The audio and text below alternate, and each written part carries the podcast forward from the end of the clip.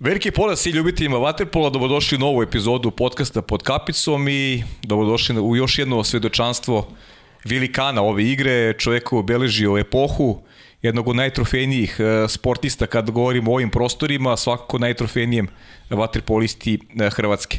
E, sa mnom u studiju danas, opet ograda, nema, nema Sare, Sara je u prolazi taj takozvani COVID protokol, dobro je Sara, bit će uskoro ponovo u studiju, a da se vratim na, na mog draga gosta, dakle, Maro Joković, vaterpoliste Juga, čovjek koji je osvojio bukvalno sve što se može osvojiti u vaterpolu, evo i danas sa velikim motivima predvodi ovu novu generaciju vaterpolista Juga i nadam se da ćemo ga gledati još nekoliko godina u bazenima širom sveta. Maro, pozdravljam te, hvala ti puno što si izdvojio vreme i došao u ovaj studio E, na kraju univerzuma i za početak ono klasično pitanje kako ti se dopada ovaj, ovaj ambijent? Pa evo ga, hvala na pozivu, baš sam se rada odazvao, znam koliko je ovaj podcast praćen u svijetu Waterpola, koliko je gledan i drago mi da sam i ja stvari dio toga pa moram priznati da sam se jako ugodno iznenadio s obzirom sami ulazak mi je bio i od kapica, mantila, lopti, to su stvari neke rijetke memorabilije koje bi mnogi e, zaljubljenici u skupljanju tih e, sportskih e, rekvizita sigurno vrlo rado bi se probali dočepati, tako da drago mi da je ovako ugodna prijateljska atmosfera opuštena i to je u stvari i najveća prednost ovako, ovake vrste ovakve vrste razgovore. Hvala ti puno, Maro, na lepim rečima. Ti možda hoćeš ugodno, tu ti je i ne znam, i kupaće juga, imaš ovde i, to, to i, i tu je i monografija i veruj mi mnogo, mnogo poziva od momenta kada, kada sam objavljio, mislim treba da se snima čak i koji dan kasnije, ali mnogo poziva sam dobio i pogotovo iz iz, i iz Dubrovnika i iz regiona, ovaj, svi su zahvalni zbog tvog gostovanja, ja sam zahvalan, tako da se nadam da ćemo, da ćemo ovaj, ugodno razgovarati u narednih pa dva sata i vidjet ćemo koliko ti, ti budeš bio raspoložen. Ajmo da krenemo od ovog aktualnog trenutka zbog čega si uopšte, u Beogradu. Novi turnir regionalne lige i nastavlja se taj nevjerovatno jak tempo koji, koji prati ovu sezonu ponovo nekoliko mečeva u, u par dana, pritom Jug igra i Ligu šampiona, ti si se vratio u Dubrovnik, kako ti izgleda cela sezona iz, iz percepcije Juga? Pa mislim da ovo nije ništa novo, ovo je nešto što se ponavlja s godinu u godinu, na što se uvijek eh, nekako apelira od strane igrača, trenera, da je jednostavno raspored takav da je to više ubitačno i najgore što je čak ni moji doma više ne znaju koje naticanje se igra, jer samo ha ideš na put, ali što se igra sad ti objasni kad je svjetska liga, kad je bio na eh, Europa, eh, Europa kup, pa je mhm. bila Liga šampiona, pa prvenstvo, pa kup Hrvatske. Pa jednostavno to je toliki broj utakmica da se više i, mi izgubimo i meni žao mi je nekako što se mislim da i kvaliteta pada nekako s time e, svi ti derbi više nisu derbi ko što su bili nekad prije nego jednostavno to postane još jedan broj, još jedno kolo odigrano i možda prođemo ispod radara neke utakmice koje možda čak ne bi ni trebale E, e, tako proći, ali mislim ova sezona je još specifična i zbog korone i zbog svih protokola što imamo. E, jug je ušao opet sa velikim ambicijama kao i svaki put, znači to su dva domaća trofeja i finala u Jadranskoj lizi i u u, u, u Final u, Ligi prvaka, tako da ništa novo. Ja sam već naviko na to. E, imamo tu, tu mladu momčad koja je još u stvaranju, imamo dosta tu nekih e, momaka koji su prvi put imaju prilike uopće sudjelovati na nekoj međunarodnoj sceni i odigrati neke ovako jače utakmice, tako da jedno dobro sazrijevanje za njih e, i da vidimo stvari dokle možemo, možemo doći. Pokriveni smo relativno dobro, mhm. dobro se radi, dobro se trenira, imamo neku viziju što želi želimo i dokle želimo uh, doći. Tako da jedno jako i ugodno, baš i ugodna je radna atmosfera i prijateljska. Mhm. To su dosta, dosta mladi momci, ova trigrka što su, što su tu stvarno su oklopili kao da su već nekoliko godina dio, dio momčadi i prihvaćeni su bez imalo problema i unijeli su jednu novu energiju koja je i radna i mhm. baš, baš Baš Uh Ti si vratio, ti si onako svuda pođi kući dođi, tako ti išla i karijera. Uh, nekako i jug je, tvoja, tvoja matična baza. Uh, pričat ćemo naravno o tebi, ali ajde još malo da se da se osvrnemo na, na sezonu. Imam prilike da i kroz te prenose da manje više sam radio svaku utakmicu Juga i recimo ova posljednja protiv, protiv Pro Reka je, je onako pokazatelj da, da Jug može mnogo i sa promenjenim sastavom zaista jedna perfektna utakmica za vas. Jako ste vi u stvari u Ligi šampiona imali dva kiksa upravo na, na svom bazenu, ako to mogu se nazove uopšte kiksevi. Opet COVID protokol je vama diktirao Loren Fatović koji nije igrao jedno vreme, sve je to uticalo vratno na, na, na Pa u stvari mi smo, e, osim utakmice protiv Reka koju smo dosta neočekivano, a mislim da su svi koji su, koji su prije utakmice razmišljali ko bi mogu pobijediti, tu je bio samo mhm. jedan, jedan favorit, ali Dubrovnik se i, Gruž pokazao kao stvarno tvrdorah mnogim momčadima koje su uvijek bile i bolje od nas.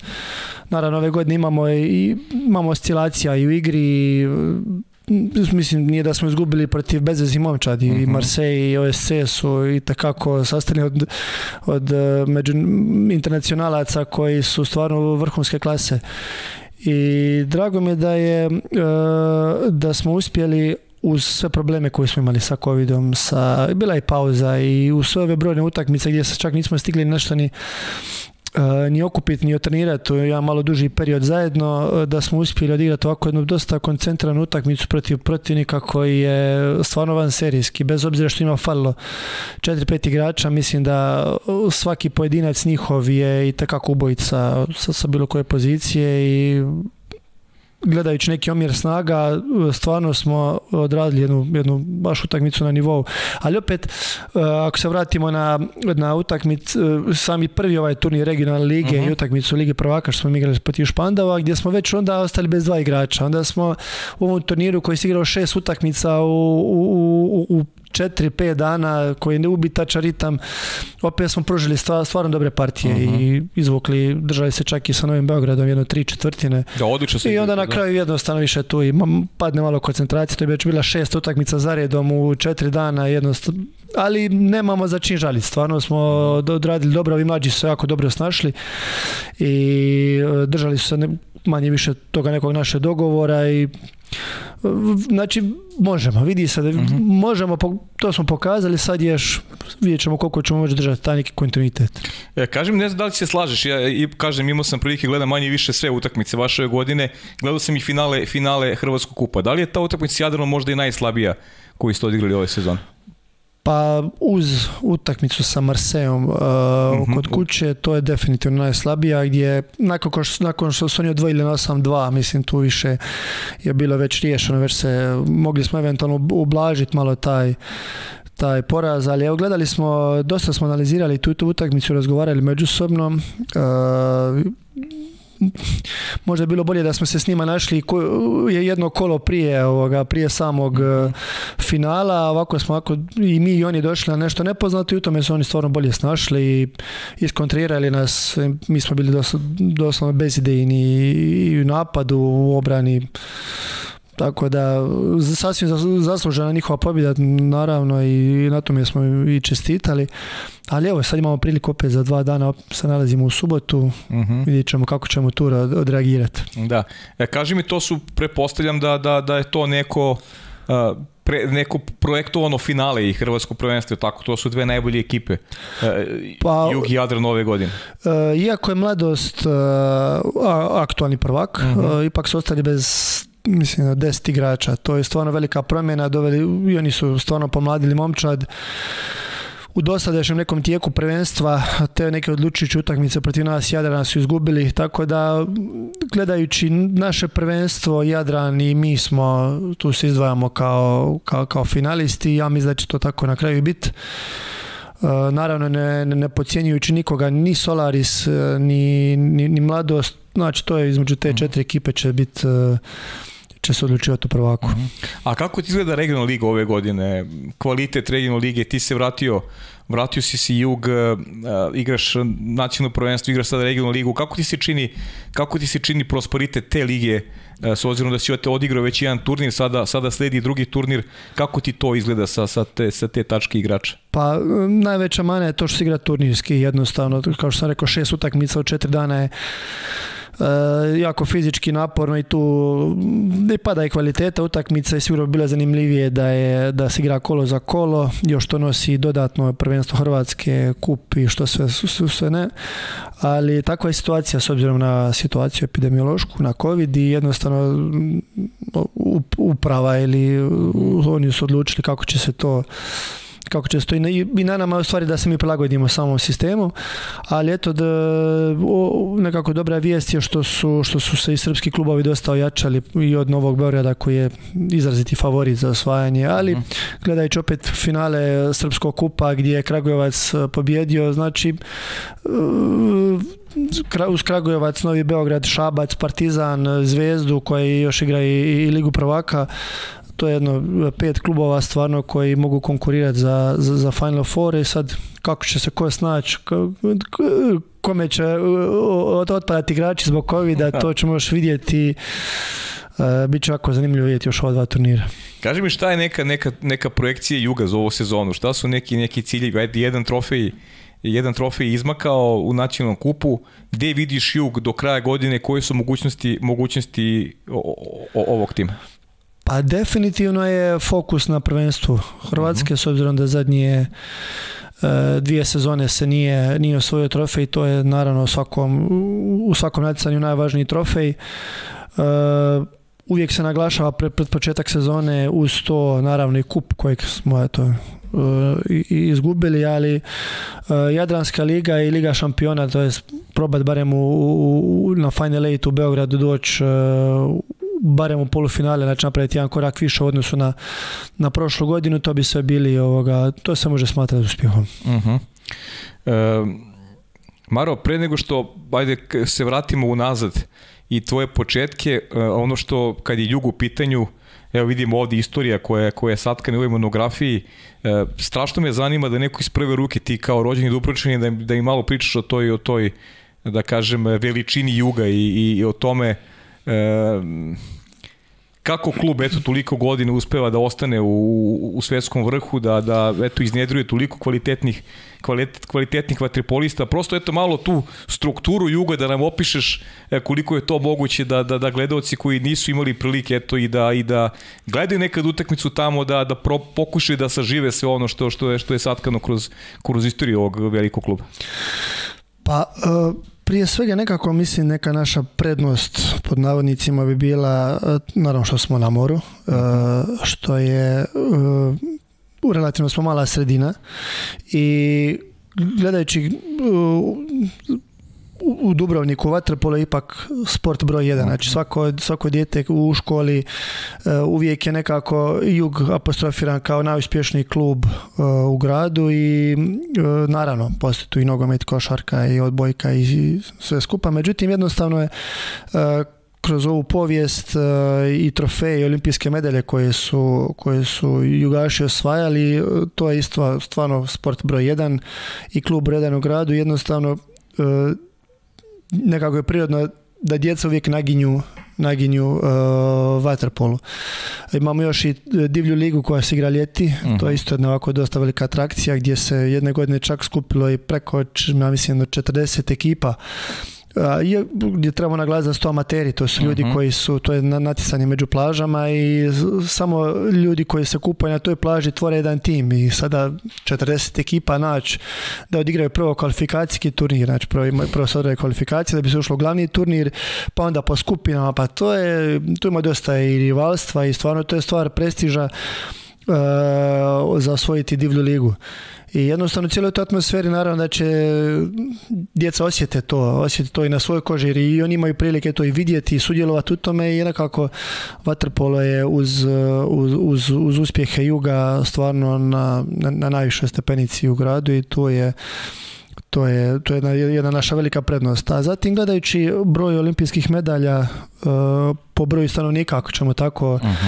jer Dubrovnik je dosta mali grad, e, tu mislim da ne znam, može li nam Siko, možemo se, može li Siko s nama usporediti. Uh-huh. Mhm. Eh, po, počeš i tamo do 84. i 88. do 2012. 16. Znači, Aj kaži neka imena, ajde, tih nekih... Pa evo, prvoga kojega bi trebalo naravno spomenuti, to je Veselin Đuho koji mhm. je sa, sa, sa dva olimpijska zlata, jedini Dubrovčanin ovoga, koji je uspio ostvariti taj uspjeh. Eh, 2012. nas je bilo malo više, bio je i Miho Bošković, Nikša Dobud, Paolo mhm. Obradović, Sandro Sukno, e, Bušlje, e, bio sam ja, bio Svatović kao trener, uh -huh.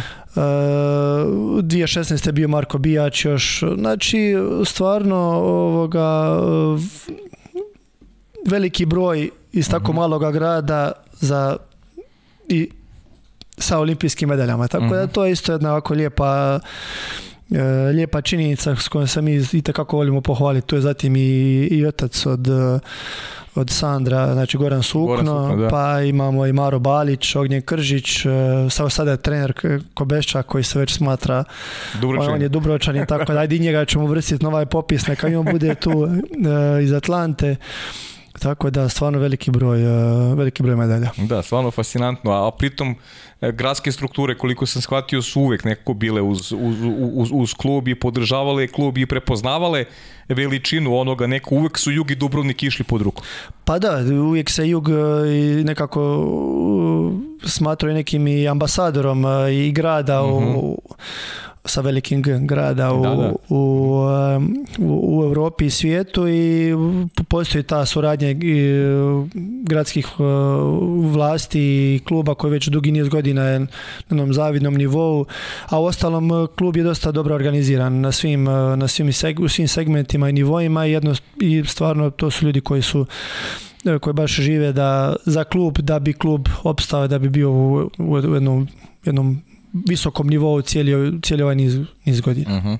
Mario kad je eto, rastao u Dubrovniku i došao do faze da hoće se bavi nekim sportom, prepostavljam da nije bilo onda neke dileme, da sve ovo što si naveo ti negdje uputilo da... Da, pa ja sam u stvari odrastao u jednom mjestu blizu Dubrovnika, mhm koje je imalo naravno i svoj vaterpolski klub, mhm. vaterpol klub Gusar koji je naravno u moru se igrao i to je nekako uz, uz društvo iz, iz, ulice uvijek smo išli na, na isto mjesto se kupat na to plivalište i tako je krenulo amo probat pa malo zaplivat pa malo opališ po golu i tako i tu se nekako rodila i ta ljubav prema tome E, gdje sam u stvari svoje prve korake ostvario tamo i on ta ljubav i dan danas traje. To je ono što me, što me još, još me veseli. Uh Od malih nogu i leva ruka bila jača od desne ili? pa to je dosta neobično. Ja sam u stvari dešnjak. Ja, ja, svarno. ja, ja sve radim. Ja sam klasični dešnjak. Ja radim sve desnom. E, Pišeš desnom? Sve desnom. Pišem od, e, od reketa, od, od nogometa, od što god. Ja, znači ja sam klasični dešnjak jedino što što, sam, što sam, da, što sam ljevak. Ali eto, opet imam i tu neko, pa vam reći opravdanje, jer meni je otac, ista, ista stvar. On je klasični dešnjak, samo što baca loptu s lijevom. Mhm. Imamo i u vaterpolu jedan takav primjer. kao Ognjen Kržić, moj nekadašnji cimer, sada, sada ovoga, sportski direktor kluba, on je isto dešnjak, ali je tako da, sad, uh, ima nas još, nisam jedini, ali... Ono da, tako da e, još kad pribrojimo ljevak u vaterpolu koji je dosta deficitaran e, da. općenito u svijetu, se toga se baš lijepo poklopilo. Pa da, ali sad kad budemo pričali onako u istoriji ovaj, ove igre, e, kad govorimo o levorukim igračima, ti ćeš uvijek da uzimaš jedno posebno mesto tu uz, uz, uz ne znam, Filipovića, Mandića, pa dobro, moram priznati da već dugi niz godina sam i u reprezentaciji i hvala Bogu dosta toga smo i kao reprezentacija osvojili i, i, i, i klubski uspjesi naravno nisu nezanemarivi i ovoga, drago mi da sam još tu, da još, e, još trajem, da još mogu se, se boriti sa, sa mlađima koji dolaze. Da. E, ajmo da se vratimo još malo na to, znači e, Gusari posle toga ideš u, ideš u jug, ko je prepoznao taj, taj talent, kako se dogodila ta, taj odlazak u jug, to je bio neki logični sled, prepostavljam. Pa to su, da, manje više svi, svi klubovi, svi, Cavtat, Gusar, svi nekako na kraju u nakon nekog godišta gravitiramo Dubrovniku i Jugu, jer to je jedini logičan e, mhm. slijed e, događaja. Međutim, u to vrijeme je i Gusar čak imao, nažalost, imao zimski bazen, pa je, su trenizi bili samo ljeti, pa zimi se to nekako krpilo kako se dalo. Tako da došao sam do neke faze kad je bilo ili ću se nastaviti s time baviti ili, ili ću jednostavno se prebaciti nešto drugo. Jer sam to stvarno volio, a sad čeka cijelu zimu da prođe da bi opet skočili u more tamo negdje u, u šestom mjesecu gdje opet nije ni more uvijek toplo. Bilo je tu dosta muke i onda jednostavno logično je bilo prebaciti se u jug, što je bilo čak relativno kasno, neđe sad 13-14 godina. Mhm ovoga, sam, sam, sam prešao tamo i evo, još sam uvijek tu. još si da. da. A kaži mi ovaj, kako je krenuo taj, taj onako prosperitet? Kad si shvatio u stvari ti da, da imaš ovaj dara da se baviš ozbiljno vaterpolom? E, e, kad si sam osjetio ili kada ti je neko predočio tih trenera? Ko su bili ti treneri koji su te, koji ste učili kad si bio, kad si bio mlad? Pa evo, prvo sjećam se e, kroz, kroz u Gusaru kad sam bio, to taj mhm. prvi dio znao sam dosta često kao, kao jedan od najmlađih nastupat za, sa, starijim generacijama i vidim da su me dosta su me tu uh, gurali s obzirom da sam bio ljevak prije svega i mhm. dobro sam plivao uh, kasnije u Juga se to već nekako sa dolaz, prelaskom u Jug, tamo sa jedno 15 godina Emil Nikolić je tada bio trener mhm trener pre momčadi i bila opcija hoće li mm, poći na neki, u neki drugi klub jer nije baš bilo mjesta ovoga za za mene da počnem u tom seniorskom pogonu, ali Emil je tada rekao da mm, bilo bi bolje da budem, da budem sa seniorima Juga, da, da tu učim, tu je tada dobio i, i Kržić e, koji je bio kao kao svojevrsni mentor u tim počecima i jednostavno uz, uz njega u cijelu tu svu Alvi Mila Smodlaka, Računica, znači uh dosta, ovako, dosta starih igrača koji su stvarno nesebično e, svoje znanje prenosili na, na nas mlađe, pa tako i mene. Uh Maro, 2005. godine si, si ušao u, u, u prvi tim i tu se negde vodi 2005. do, do 2005. do 2013. to je neki prvi tvoj period proveden, proveden u jugu. Pa aj kaži mi kako ga pamtiš, e, taj odnos starijih igrača koji su ti pomogli da se ti kao, kao mlad momak e, prilagodiš, e, da negde pokažeš i, i svoj potencijal, E, i koje su te neke godine koje najviše pamtiš iz tog tvog prvog perioda provedenog u jugu, koje su bile najuspešnije godine, imali neka utakmica koje se, koje se posebno osjećaš, možda debija ili, ili nekog meča gde si, si najviše ostavio traga na, na, na, na, na svoj tim? Pa, e, e, u tom periodu nisam bio jedini koji je ušao u stvari, mhm. tu su još bili, mi, smo svi generacija, Obradović, Dobut, Bučlje, Marković, mi smo svi tu u, dvije godine razlike, tako da smo nekako svi zajedno ušli u seniorski tim e, i e, to bi bio ona poznata spoj iskustva i mladosti gdje smo imali 6-7 e, starih igrača koji su stvarno prošli i reprezentativna natjecanja i medalje i, i osvajanje titula s klubom koji su stvarno imali, imali veliko iskustvo i znanje i na nama je bilo da samo e, budemo uz njih i da ih pratimo i da to usvajamo naravno svaki od nas ima nevjerojatnu želju za, za radom i za, i za mhm. dodatnim uh, usavršavanjem u tome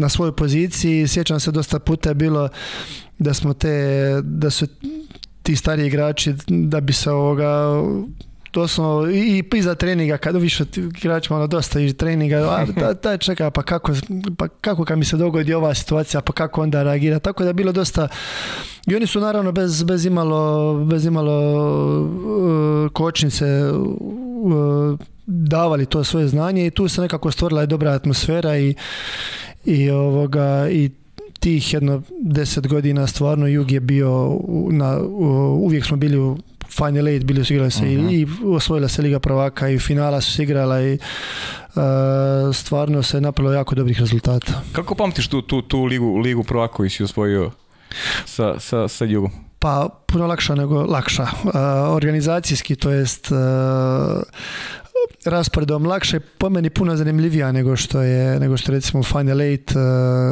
uh, smo po skupinama, onda mm -hmm. knockout faza, četiri finale, doma i u gostima i onda nakon Final Four i gdje su stvarno doći na Final Four bila je velika bila je velika i čast eh, jer to je to stvarno četiri najbolji momčadi. Tu nema da neko dolazi neki outsider kojega će se tek tako mm, s njime poigrat malo i mhm. tako da to je baš bila prava borba i u dva dana se riješilo pitanje prvaka i puno, nekako mi je bilo puno zanimljivije pratiti e, što se sve događa i nekako mislim da su čak i mediji u nas pogotovo to malo više pratili. Bilo su bilo je više članaka, bilo je više, uh-huh. više zanimanja javnosti za, za, za, za taj nivo vatrebola. Uh-huh. Mhm. E, koja godina tu bila? Koja, koja prva godina bila kada si Što, osvojio titulu prvaka? Prva je bila 2006. 2006. 2006. To, si tada imao koliko? 19 godina. 19, da. godina. To, znači, I to je neki prvi vredniji trofej koji si ti osvojio u karijeri. Onako da kažeš, baš od tih top trofeja. Da, pa da. je prvaka Evrope. Tad je krenula reprezentacija, tad sam u stvari 2006. prvi put bio na Europskom mhm. u, Beogradu, onda da. krenula u stvari ta famozna 2007. i Melbourne titula svjetskog prvaka gdje smo gdje, da, gdje je krenula ta neka krenula lavina neka, neka mi to zovemo zlatna era Eh, hrvatskog vaterpola gdje stvarno se dosta medalja od tada osvojilo. Pa da, zaključno sa 2012 onako one najsjajnije medalje manje tako, više tako, sve, tih, sve najsjajnije tih, medalje tih 5-6 godina tako sve se da, ok, pričamo pos, posebno će pričati kasnije o reprezentaciji da, da još absolviramo o, o, ovu tvoju eh, klubsku karijeru eh, nekako logičan sled događaja svih ovih najvećih igračaka svojih prostora, Srbija, Crna Gora, Hrvatska je neko, svi ste prošli kroz proreku, kroz taj sistem proreka. Tako da, tako si ti 2013. godine posle eto tih 8-9 godina u, u, jugu prelaziš u, u proreku. Kako je to izgledalo, kako se dogodilo i E, taj prvi odlazak iz kuće, kako ti je i koliko teško pao? Da, pa ja sam u stvari, meni je bilo dosta to neobično, jer nikad prije toga nisam, prije nisam ni, pomišljao da ću biti u prilici da, da me proreko zove, a kao ne da ću zaigrat, jer svi znamo da je reko tih, pogotovo tih godina isto bio e, van serijska momča gdje su, mislim, ne moramo trošiti riječi, kao, kao što i dan danas koji isto drži taj kontinuitet. Uh, I ovoga, sami odlazak od kuće mi je bio dosta neobičan, e, baš zato što je bio prije put i nekako u, mi smo tu, kao što sam rekao, imali tu neku prijateljsku, obiteljsku atmosferu u klubu u, u Jugu koju sam koje smo svi stvarno voljeli i stvarno smo davali e, Cijelo, cijelog sebe za, za, za, uspjeh, za, za trening, za, za, druženje i sada jedan put počne počne nešto novo je bilo dosta neobično, ali sami dolazak tamo e, opet shvatiš da smo svi opet profesionalci, da se opet svi mhm. e, svi imamo isti cilj, jednostavno je to možda bio jedan odskočna daska, jedan nivo više gdje se stvari moraš se stvarno shvatiti da si, da si tu, da moraš eh, stvarno davati od sebe i dokazivati se iz dana u dan, da to nije nešto što je došlo preko noći, nego došlo je E, velikim trudom. Sad je mhm. na neku ruku, u neku ruku nagrađeno sad treba još samo nastaviti tim, e, tim tokom dalje. A kako ti je legla, žargonski rečeno, Italije, mada od mora Izvrsno. nisi pobjegao, bio si... Izvrsno, e, Italija mi se strašno svidjela, odmah na prvu, Aha. imao sam uh, doslovno sam prožvakao taj, e, tu Italiju, tu sjevernu Italiju u toj prvoj godini igranja tamo i um, svidio mi se mentalitet, svidila mi se kultura, jezik, uh, jednostavno način življenja koji je sličan, to je to mhm. sve to mediteran, sve je to slično, mhm. ali, ali opet ima neki svoj e, poseban štih koji mi se opet Uh, sad kad igrao u Breši prošle godine, opet mhm. sam bio dio toga talijanskog nekog džira koji je stvarno, što god mi misli, ali je jako, jako eh, veseo, otvoren, srdačan eh, i samo najbolje uspomene nosim iz Italije. Mhm. Naučio si italijanski, to, to, to sam pa shvatio. To je, to je nekako, svi koji smo igrali u Italiji u vrlo kratko vremena Mhm. se, se savlada jezik jer jednostavno primoran si tu nema. A i jezic, jezici, mislim, romanski jezici su nam nekako, su nekako svi tu slični, a mi u Dalmaciji opet imamo i nekih i sličnih izraza i sličnih riječi, prema tome to se vrlo lako da uh -huh.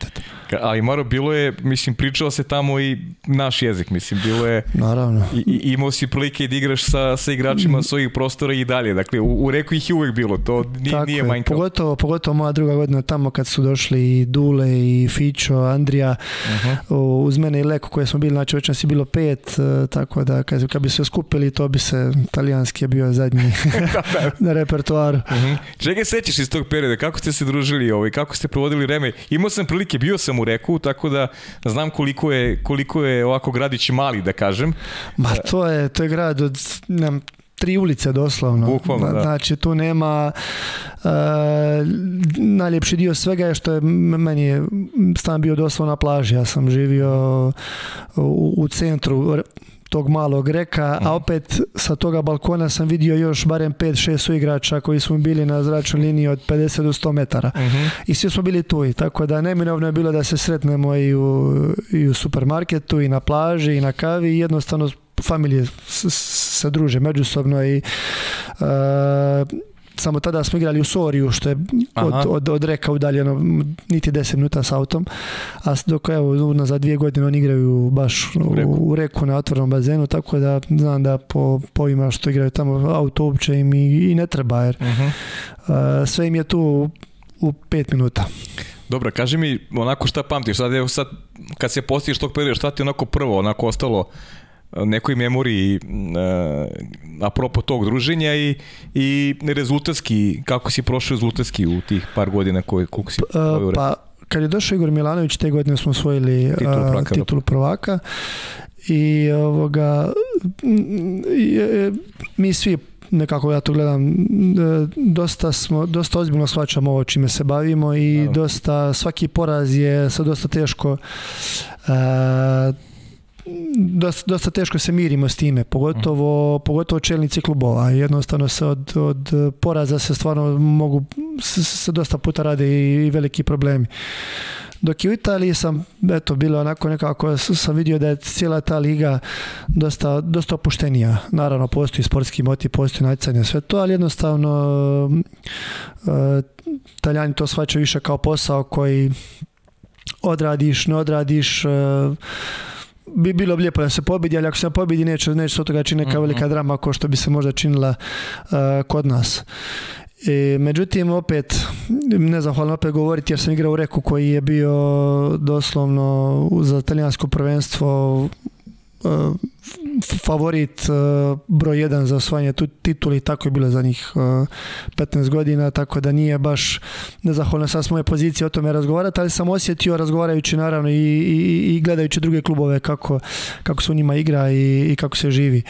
Ali u sjećanju će mi svakako ostati i cijeli taj isto jedan e,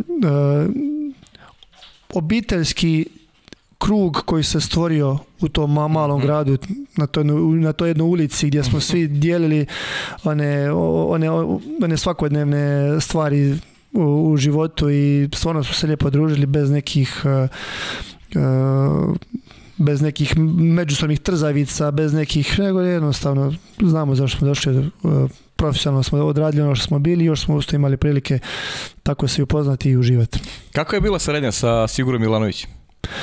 Još kako je bila? Saradnja s Igorom Milanovićem. Pa, e, od Igora sam, e, Igor je dosta zahtijevao mhm. i na kraju se to i, i, i vratilo kroz, kroz, tri e, titule i moram priznat da sam od, od Igora dosta toga naučio u tom vaterpolo, taktičkom nekom smislu za koji nisam otkrio jednu novu stranu vaterpola za koju nisam znao da može biti toliko detaljna i toliko Mm, e, toliko koncentrirane na neke sitne stvari koje na kraju mhm. čine razliku. E, Igor je inzistirao od prvog dana do zadnjeg na nekim stvarima, pogotovo te neke taktičke prirode, gdje, gdje sam tek naknadno shvatio neke stvari što je, e, što je u stvari htio postići. I mhm. možda to nama koji igračima u tom trenutku je dosta puta išlo na živice i nije bilo ni lako ni fizički, ni, ni, pa čak ni psihički izdržati ali ovako s odmakom kad bi gledao, kad sad gledam e, vidim da je u stvari ima tu nekih elemenata koji su koji su, za koje je potrebno dosta vremena da, da se nekako komponiraju, da, da legnu na svoje mjesto i uspije na kraju to napraviti.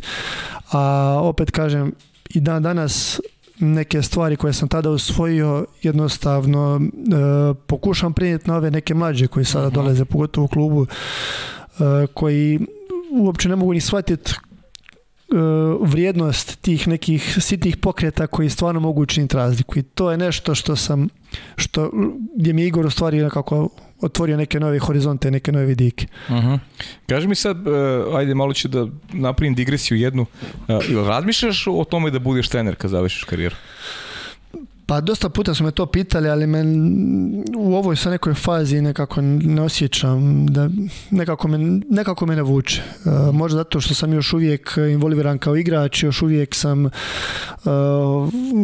više onako da, da odradim taj trening i da, da do idućeg treninga ne mislim o vaterpolu, ipak je trenerski posao Eh, moraš biti predan tu maksimalno, tu nema mhm. i tu ima toliko puno segmenata i, i varijabli koje treba uzeti u obzir i jednostavno sad sam u toj fazi kad se držim onog igračkog dijela i u njemu uživam lijepo mi je, a sad kad prestanem jednog dana da li će me povući taj neki trenerski poriv, to ne znam, ali evo za sad za sad se držim igračkog dijela i tu stajem, tu podlačim crtu. Samo ti kažem, tako ti je razmišljio sadašnji trener, da znaš isto. Pa pretpostavljam da su mnogi tako, tako je, pa ja pretpostavljam da, da većina tako razmišlja kao, znam da neki, to jest mnogi govore, ne želim ni vidjeti bazen uh, jedan put kad, kad ne želim ni prat zube, znači vodu, vodu doslovno ne želim vidjeti, ali to se očito mijenja jer to su i, i neki životni putevi, i prilike, ne znam e, kako se kome što ukaže, ali evo, za sad se držim e, kapice i, i bazena. Gle čuda, Maro Joković posle juga, posle proreka, vraća se jug. Da, pa u stvari u tom periodu su se promijenile neke stvari u samoj strukturi kluba. Došao je novi predsjednik s nekim novim, novim idejama, novom vizijom i stvarala se momčad koja je bila za koju se prepostavlja da bi trebala napraviti mhm. e, veliki iskorak, iskorak u, u, u klubu i rezultatski, organizacijski nekako drago mi da sam ja bio dio te priče da su da su me pozvali nazad što zbog te lokal patriotske priče, što zbog e, nekog njihove vizije mene u samoj strukturi momčadi i na kraju kad se to spojilo sa došli su i Lončari i Čavi i Vrlić e, e, Perone, to onda se već napravila jedna, jedna ovako dosta ozbiljna momčad koja je odma prve godine osvojila titulu Lige prvaka, onda smo godinu iza igrali čak i, i finale, tako da u te dvije godine se smo stvarno bili na jednom, na jednom zavidnom nivou. Da, titula prvaka Europe sigurno da je ponovo bila onako bila kruna. U tom momentu ti gde god da ideš, kad god si negde, tu je i titula prvaka Evrope. Pa bila je neka osobna satisfakcija, s obzirom da je bila druga za redom. Pa onda mm dva kluba, to mi je bilo onako nešto dosta, to mi je baš bilo, moram priznati, drago.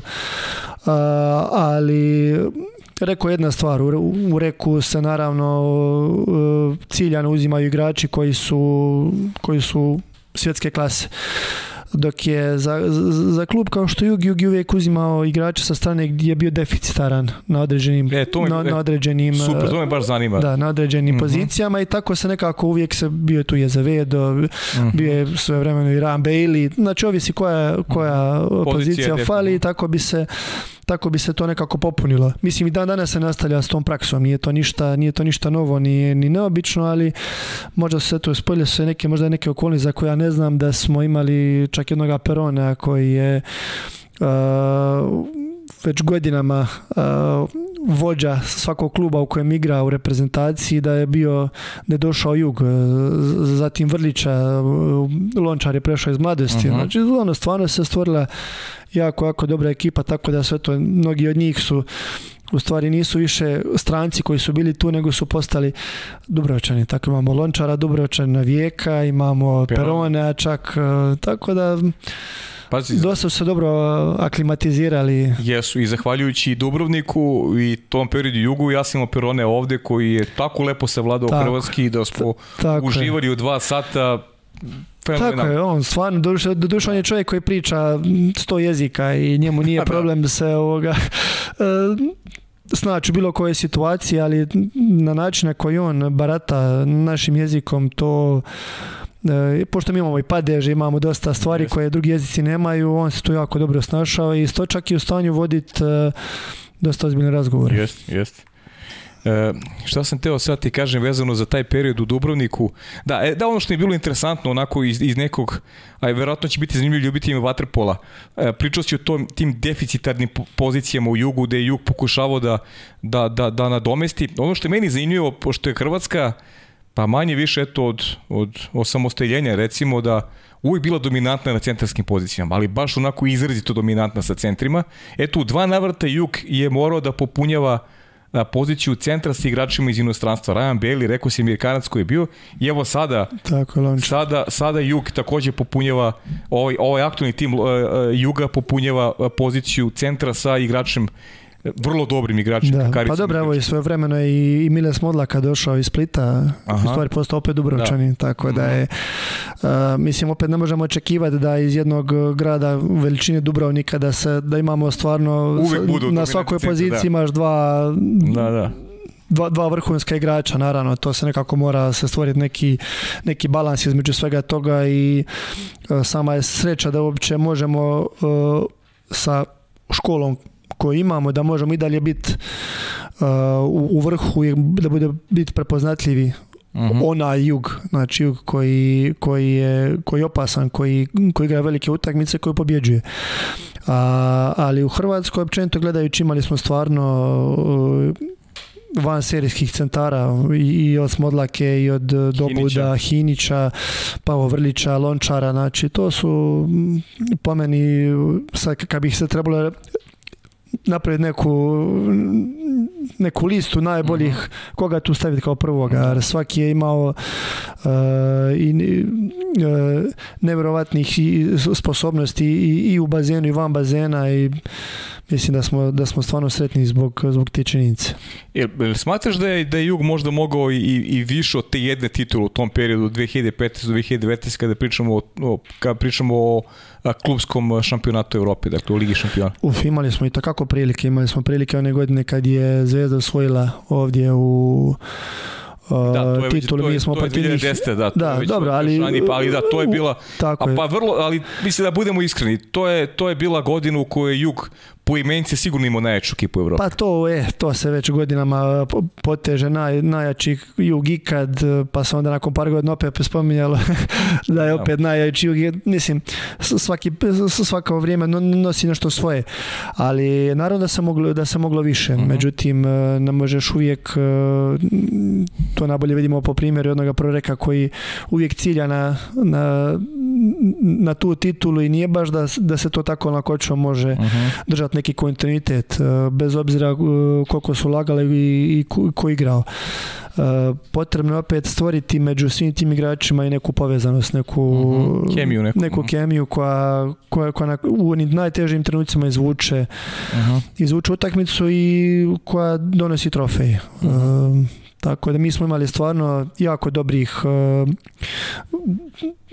ja nikad ne mogu reći da je, da da u nas bilo nekog, e, e, nekih razmirica, da, se, da jedan drugoga nismo podnosili. Dobra stvar je bila što ako ti neko nešto nije povoli, mi smo to bi se reklo, natvoreno, natvoreno za stolom, naravno tu može bi se nešto mhm. malo durili, ali nakon toga bi bilo, ha dobro, ba ne znamo na čemu smo i, i dalje smo mhm. prijatelji. Tako da, ta, ta, neka vrsta iskrenosti je po meni bila dosta e, i presutna u, u, u, u dosta slučajeva. Uh e, opis se završava ta, ta druga epoha u, u jugu i je Maro ide opet na more, e, doduše sad do malo veće sredine, Olimpijakos. E,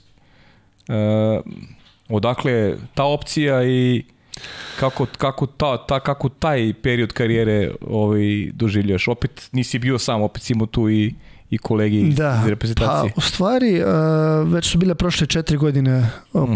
u, u jugu da. i sad u, eh, nakon nekog perioda već krene možda i neka vrsta pa neke nečeć uh, e, zasićenja, to je, mhm. je preteška riječ, ali možda jednostavno je potrebna promjena i, mhm. i meni koji igraču i klubu i neka, vrsta osježenja, prema tome nije to ništa, ništa neobično, nešto ču, ništa čudno, to su neki ciklusi životni koji se događaju i u životu i u, i, u sportu i u profesionalnom nekom e, djelovanju i ukazala mi se prilika za, za Olimpijakos e, gdje sam imao jako dobar feedback od igrača koji su igrali prije, od mhm. e, Pavića, Obradovića e, i Bušlje i ovoga i Mm, nekako se uh, čim su stvorila prilika krenuo neki novi izazov koji mi je bio dosta, Grčka mi je bila dosta nepoznata i uh, odlazak tamo je bio jedan jako dobar pun pogodak u stvari jer sam opet osjetio onu drugu stranu Mediterana koja je još opuštenija, još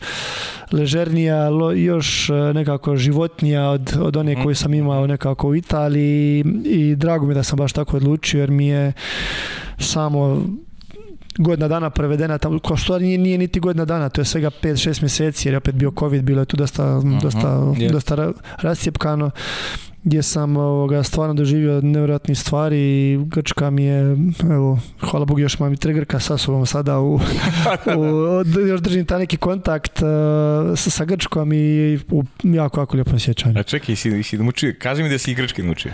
Ma nisam, nisam, ja. ovoga, zato što e, prvo bili smo naš četvorica, bili su Buljubašić, Živojinović i Mitrović i ja i jednostavno svi tamo pričaju engleski, e, ja, mi smo se manje više svi tako sporazumijevali, a i međusobno na, na našem jeziku. Prema tome, ulazak u grčki, bio imao sam volje i želje, ali sam s nekog, nekako sam odustao, jer e, tu treba i kontinuitet i, i i vježbanje, jer to je nešto totalno novo. Recimo što je Mitrović savladao u 2-3 mjeseca, ali on ima, on dosta i grčkih prijatelja, tako da je forsirao ta neki uh, konverzaciju na grčkom, što meni nije baš bio neki prioritet, ali evo i dan danas sa, s, s mojim kolegama vrlo rado te neke neke zezancije i to. Taj dio se možda, možda mogu sporazumijeti, ovaj dio oko vaterpola, to možemo, ali već nešto malo ozbiljnije, malo šire, to, tu su to se ne bi upuštao. E, poslije ti glifade onako najviše prijela, pa e, sad ne znam koliko si upoznan sa, općenito sa, sa Atenom, ali ja sam bio jednom, i, i, no malo mi je, kao mali mali kvart faliro se zove. To stvari na 10 minuta od svega, od centra, od Pireja, od, od glifade, nekako bio sam u tom nekom dijelu i tu sam se stvarno najbolje, najbolje osjećao. uh Lijepo je poći, naravno, svaki kvart, svaki dio, dio Atene, ali nekako tu je bila baza i stvarno kad bi se išlo u krug, sve u 10-15 minuta sa autom bilo i dobra baza je bila, dobra polaznična točka. E, kada me e, pitaju eto, za neko moje sklovno mišljenje vezano za prošlu sezonu, kažem da je najbolji vaterpolo ovaj, u Evropi igrala Breša. I e, ti si iz Olimpijakosa prešao u Brešu i ovaj, eto, doživio si kao igrač da prekinio što dominaciju reku i italijanskom šampionatu posle punih 15 godina, neko drugi je bio šampion u Italiji. Sad ima tu mnogo polemika koliko je ta dominacija pro-reka dobra za italijanski vaterpolo, to je sad već neki problemi za italijanski vaterpolo, ali Breša stvarno Uh, neverovatan jedan jedan tim i evo i ove godine igraju sjajno i zanima me e, onako iz tvoje neke percepcije prvo Alessandro Bovo e, kako njega ovako doživljavaš kao trenera i, i cela ta priča vezano za Brešu e, ovaj, kako je tebi legla i, i, kakve uspojene nosiš e, iz te sezone? Pa, ispeče da se ponavljam, ali mogu bi sad pričati o Breši dosta, e, mhm. dosta i, i sladunjavo čak. Slobodno, mislim, ja sa strane to tako doživljavam. Da, i, ovoga, ja sam, mislim, odlazak u Brešu je isto bio, mm, nisam uopće nikad ni razmišljao da ću doći u tu poziciju da igram za Brešu. E, i nisam, iskreno tamo nisam znao šta očekivati, nisam znao što očekivati mhm. sa, po samim, samim dolaskom tamo, imao sam neke, neke informacije od, od igrača koji su prigrali u Breši što očekivati od, od grada, od kluba, od, od, mhm. Bova i šta ja znam. Međutim, e, dolazak tamo je nekako, uh, shvatio sam stvari da i sada opet s odmakom gledajući prošlu sezonu, da su e, ta momčad je bila e, dosta dobro organizirana u smislu da je svaki igrač, a Taljani su nekako ja bih rekao takvi, mhm. e, svaki igrač je znao svoju, svoju, svoj zadatak i svoju poziciju i bez, bezrezervno je davao sebe za onog drugog. Uh imali smo mi neke jasno, jasno definirane stvari koje se morale poštovati. I jednostavno kao u vojsci onako dosta znala se neka hijerarhija koja se bezpogovorno poštivala ali na nekom dosta eh, prijateljskom nivou znači mhm. bez nekog bez nekog ustručavanja da bi, neka, da bi neko sada, ha, ja moram napraviti neki zadatak da bi otvorio nekog drugog, mislim šta ja sad tu moram. Znači, to nije bilo uopće upitno e, zašto se nešto radilo. Mhm. Nego se išlo se stvarno, a italijani su takvi da jedno, kao što smo mogli nedavno igrali su sa šest igrača protiv jednog splitskog Jadrana, da. E, gdje su trojica su izašla iz korone znači i u, se ta neka e, ja sam opet bio u kontaktu s njima za te utakmice e, kako su se iako su bili bez igrača jednostavno su dali opet svaki je dao svoj zadatak što je u tome uh trenutku od njega, zahtijevalo i više od onoga. Mhm. I rezultat na kraju nije mogu izostati. Uh, Bovo je sve to jako dobro E, koordinirao svim tim jer on je dosta ako beskompromisan trener, bar sam ga tako nekako mhm. shvatio, ali veliki zaljubljenik u vaterpolo i ono što radi i e, opet sam vidio neke, naučio sam, drago mi je što sam opet naučio nešto novo, što nisam mislio da, da ću u ovoj fazi života e, moć, ali sam e, naučio sam opet neke nove i stvari što se tiče van bazena i u bazenu ta famozna M zona što se, što se igrala prošle godine u, u Breši je za mene bila nešto totalno nešto novo i neobično i, i sam način treniranja koji je bio totalno nekonvencionalan ako smo mi navikli aha, aha. E, gdje smo mi evo prvi, pogotovo prvi dio sezone pošto mi, nas je došlo 7-8 novih igrača i kako da mi se moramo poznati, mi moramo znati kako ko diše, na koji, na koji mig mi smo svaki dan igrali međusobno. I to je nama strašno išlo na živce. Mislim, mhm. smo, I to po uru vremena. Nas je bilo doslovno 14 i nema zamjene. Mi smo 14, uh 14 svaki dan smo po uru, uru i po vremena igrali međusobno talijanske igre. A sad si znamo kako je ta talijanska. To nije ono na što mi navikli. Lijepo raširi, čekaj centra, dodaj. Nego to je bilo, to je bio run and gun. To je bilo čupanja, to je bilo, ali svaki dan se, smo bili, morali biti spremni na to. I na, mhm. na kraju nekako se kad je trebalo najviše, kad je došlo to proljeće, kad je došla ta završnica, tu su se već vidjele neke konture naše igre koje su, koje su na kraju iznjedrile i, i finale e, Skudeta i Final Eight u, Beogradu koji opet nevjerovatan uspjeh za njih nakon e, osvojiti medalju na, na europskom natjecanju i uh, opet se stvorila nevjerojatan spoj. opet mora, opet dosadno zvuči, ali nevjerojatan spoj. Ja moram ti kažem da, i priznajem sada, eto, priznajem javno, ja sam toliko navio za Breš da uđe u finale, I, I da vam je falio vidi Soma da, je bio povređen, da nije došao i vi ste bili pod, moj utisak je bio pod nekim utiskom osvojene u Italiji, vjerojatno ste se malo ispraznili i, i čak, čak možda na Final 8 i nistigli svoj najbolji vaterpol ali ste bili dovoljno dobri kao ekipa da ste mogli dođeti u finale. E, mo, jako je malo falilo, stvarno. Da. Meni je žao što nismo imali priliku još jedan put sa, sa prorekom uh, snage. To bi još bila jako, jako zanimljiva utakmica. Ali e,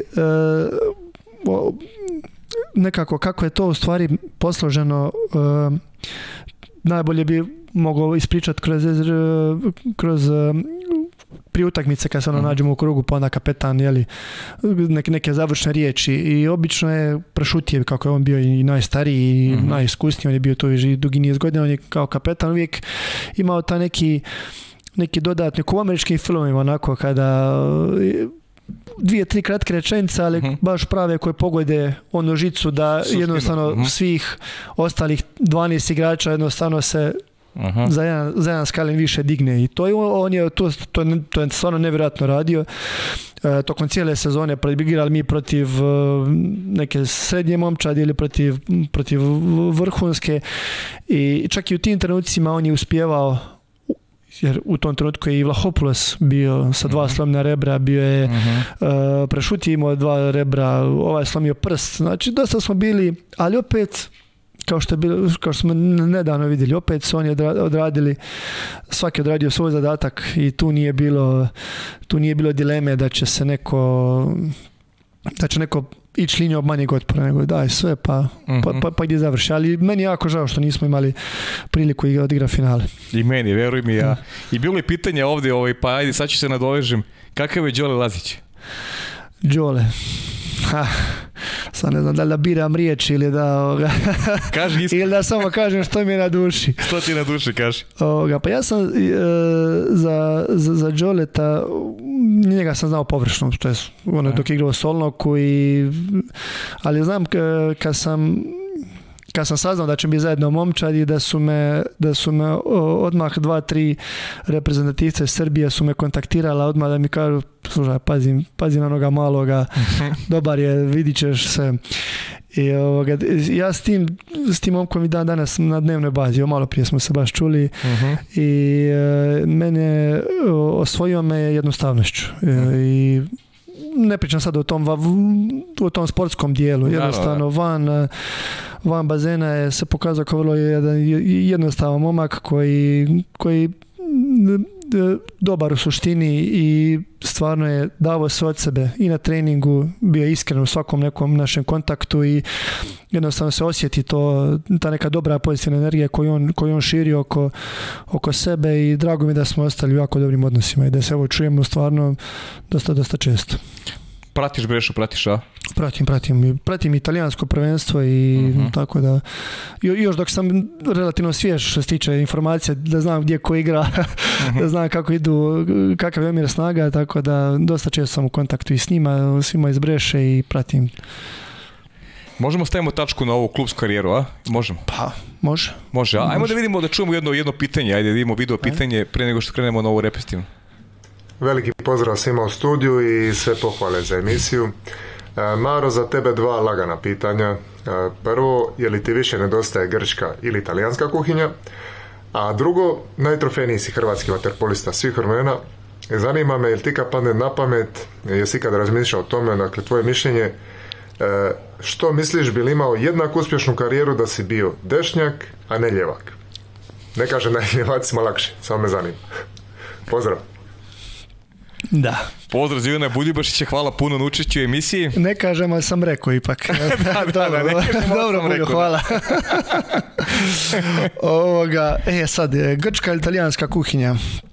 Svi znamo da je italijanska prepoznatljiva u svijetu u, mhm. i tu gledajući te tjestenine tu nema, tu im nema, nema stvarno premca, ali e, moram priznati da sam u Grčkoj još dan danas sanjam ove janječe kotlete i, uh i, i, njihovu hranu jer što sam tamo probao to me, to me osvojilo za, za cijeli život tako da eh, Italija je super ja ne govorim ništa protiv Italije uh-huh. ne daj Bože ali Grčka me, Grčka me osvojila na, na mnogo načina i jedan od, jedan od, stvari koje će mi je svakako hrana koja će mi, koja će mi uvijek biti nekako sinonim i za Grčku, između ostalog uz more, plaže, ljude, cijeli taj mentalitet, ali hrana je dole stvarno dobra. Mhm.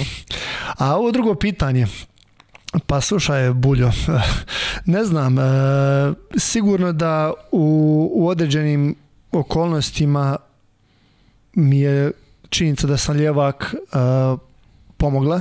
Mhm. možda, u, možda u svojim početcima uh, e, igrača kao što, i boljih igrača nego što sam ja je bilo svakako. I, i ne znam da li bih uopće imao priliku e, kao dešnjak dobiti istu priliku kao dešnjak to jest da sam dešnjak e, nego kao ljevak tako da e, teško pitanje sada mislim sad je malo već je prošlo prošlo dosta godina ali e, mislim da je ono što je mene nekako i, i, ljubav i prema sportu ovome i sama, sam rad i svodricanje koje naravno svi sportaši moraju u nekoj dozi imati nekako me guralo naprijed i, i, i dovukla gdje sam sada. Mhm. Maro, e, možemo da pređemo na ovu represivnu karijeru koja, rekli smo na početku, koja je onako satkana od svih mogućih uspeha. Pripadaš seriji redkih igrača novim prostorima koji su osvajali sve ono što možda su osvojili. Evo, pričali smo o klubskoj karijeri, titula prvaka Europe, imaš jednu, jedan minus, nisi bio prvak Europe sa dva kluba u kojima si igrao, ali dobro, mislim, bože boj, ne može sve da se napravi. ali zato se reprezentacijom Hrvatske imaš sve osvojeno. I olimpijsko zlato, imaš e, svetsko zlato, imaš e, evropsko zlato. Hajmo da krenemo možda od, od, one, od one prve velike medalje od uh, 2007. 2007. godine i to je ono, ako se sećam, protiv, protiv Srbije, je tako bilo polufinale. Polufinale i Mađarska je bilo I finale, finale protiv Srbije ubedljiva pobeda, tako beše protiv, da, da. protiv Srbije i onda protiv Mađarske u finalu svetsko zlato?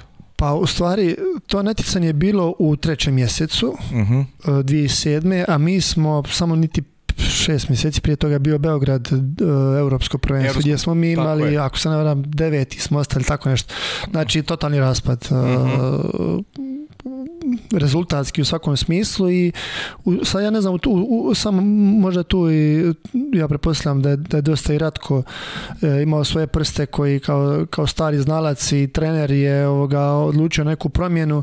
Ja sam išao u Melbourne kao najmlađi e, član e, reprezentacije i ne mogu reći da mi je bilo jedno jer sam vidio mhm. da se vratili su neki igrači koji nisu bili u, u, u Beogradu samo par mjeseci prije i već je to bila jedna malo ozbiljnija eh, ozbiljni pritisak koji sam osjećao. Jer ono, kad si nam mlađi uvijek kažu a što god napraviš dobro je, samo nemoj zeznuti, jeli? Uh mhm. Međutim, kad uđeš u tako ideš, još si ide na svjetsko prvenstvo koje je opet bilo na, na, drugom kraju svijeta, e, ne mogu reći da mi je bilo sve jedno i da mi je bilo, da mi bilo jednostavno, ali kako je turnir išao, ja se još pogotovo prije samog početka turnira imali smo pripreme e, u Melbourneu sa, ne znam, s Grcima, sa još nekom reprezentacijom i onako, u par navrata je to dosta loše izgledalo.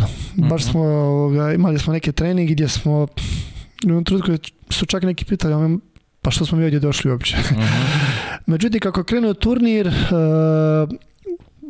prvo je bila Rusija, pa je bila Amerika, Australija, pa smo onda ušli u četiri finale, pa sve se nekako zakotrljalo i naša igra je bila sve, sve organiziranija i bolja. I stvarno sa Vičanom na golu koji je branio mhm taj turnir e, van pameti. Došla je, došla je to polufinale protiv Srbije i na, kraju finale gdje, ja se sjećam sa, sa protiv, na kraju polufinala više, ja, mi uopće nismo bili svjesni, ja osobno nisam uopće bio svjestan težine i važnosti e, onoga što smo mi napravili u tom mhm. trenutku. A da ne kažem što je bilo tek e, nakon finala i pobjede protiv Mađa i to one dosta dramatične gdje smo, gdje smo ušli kroz ušicu igle mhm. prvo u produžetke i zatim s dva gola osvojili e, evo i dan danas se naježim kad, kad, samo, kad sjetim tog nekoj te neke atmosfere e, koja je tada bila na drugom kraju svijeta opet znamo koju smo podršku imali doma E, koliko su svi pratili, koliko je bilo navijanje, pa zatim i doček, to je opet neko moje prvo, prvi doticaj s tako nekim velikim dočekom, s nekim velikim, uh nekom slavljem toga, toga velikog rezultata. Uh mhm. -huh. Sjećaš nekog svog učinka, ovaj, vjerojatno pamtiš, ipak je to onako prva titula, prvo svetsko zlato koji su Mađarska koja u to vreme bila redovni, ona je osvajala konstantno olimpijska zlata, to je ta generacija. Igra, bili su olimpijski prvaci da, oni su, da. da. oni su i 2004. bili i 2008. osvojili su konstantno su bili ovaj olimpijski šampioni.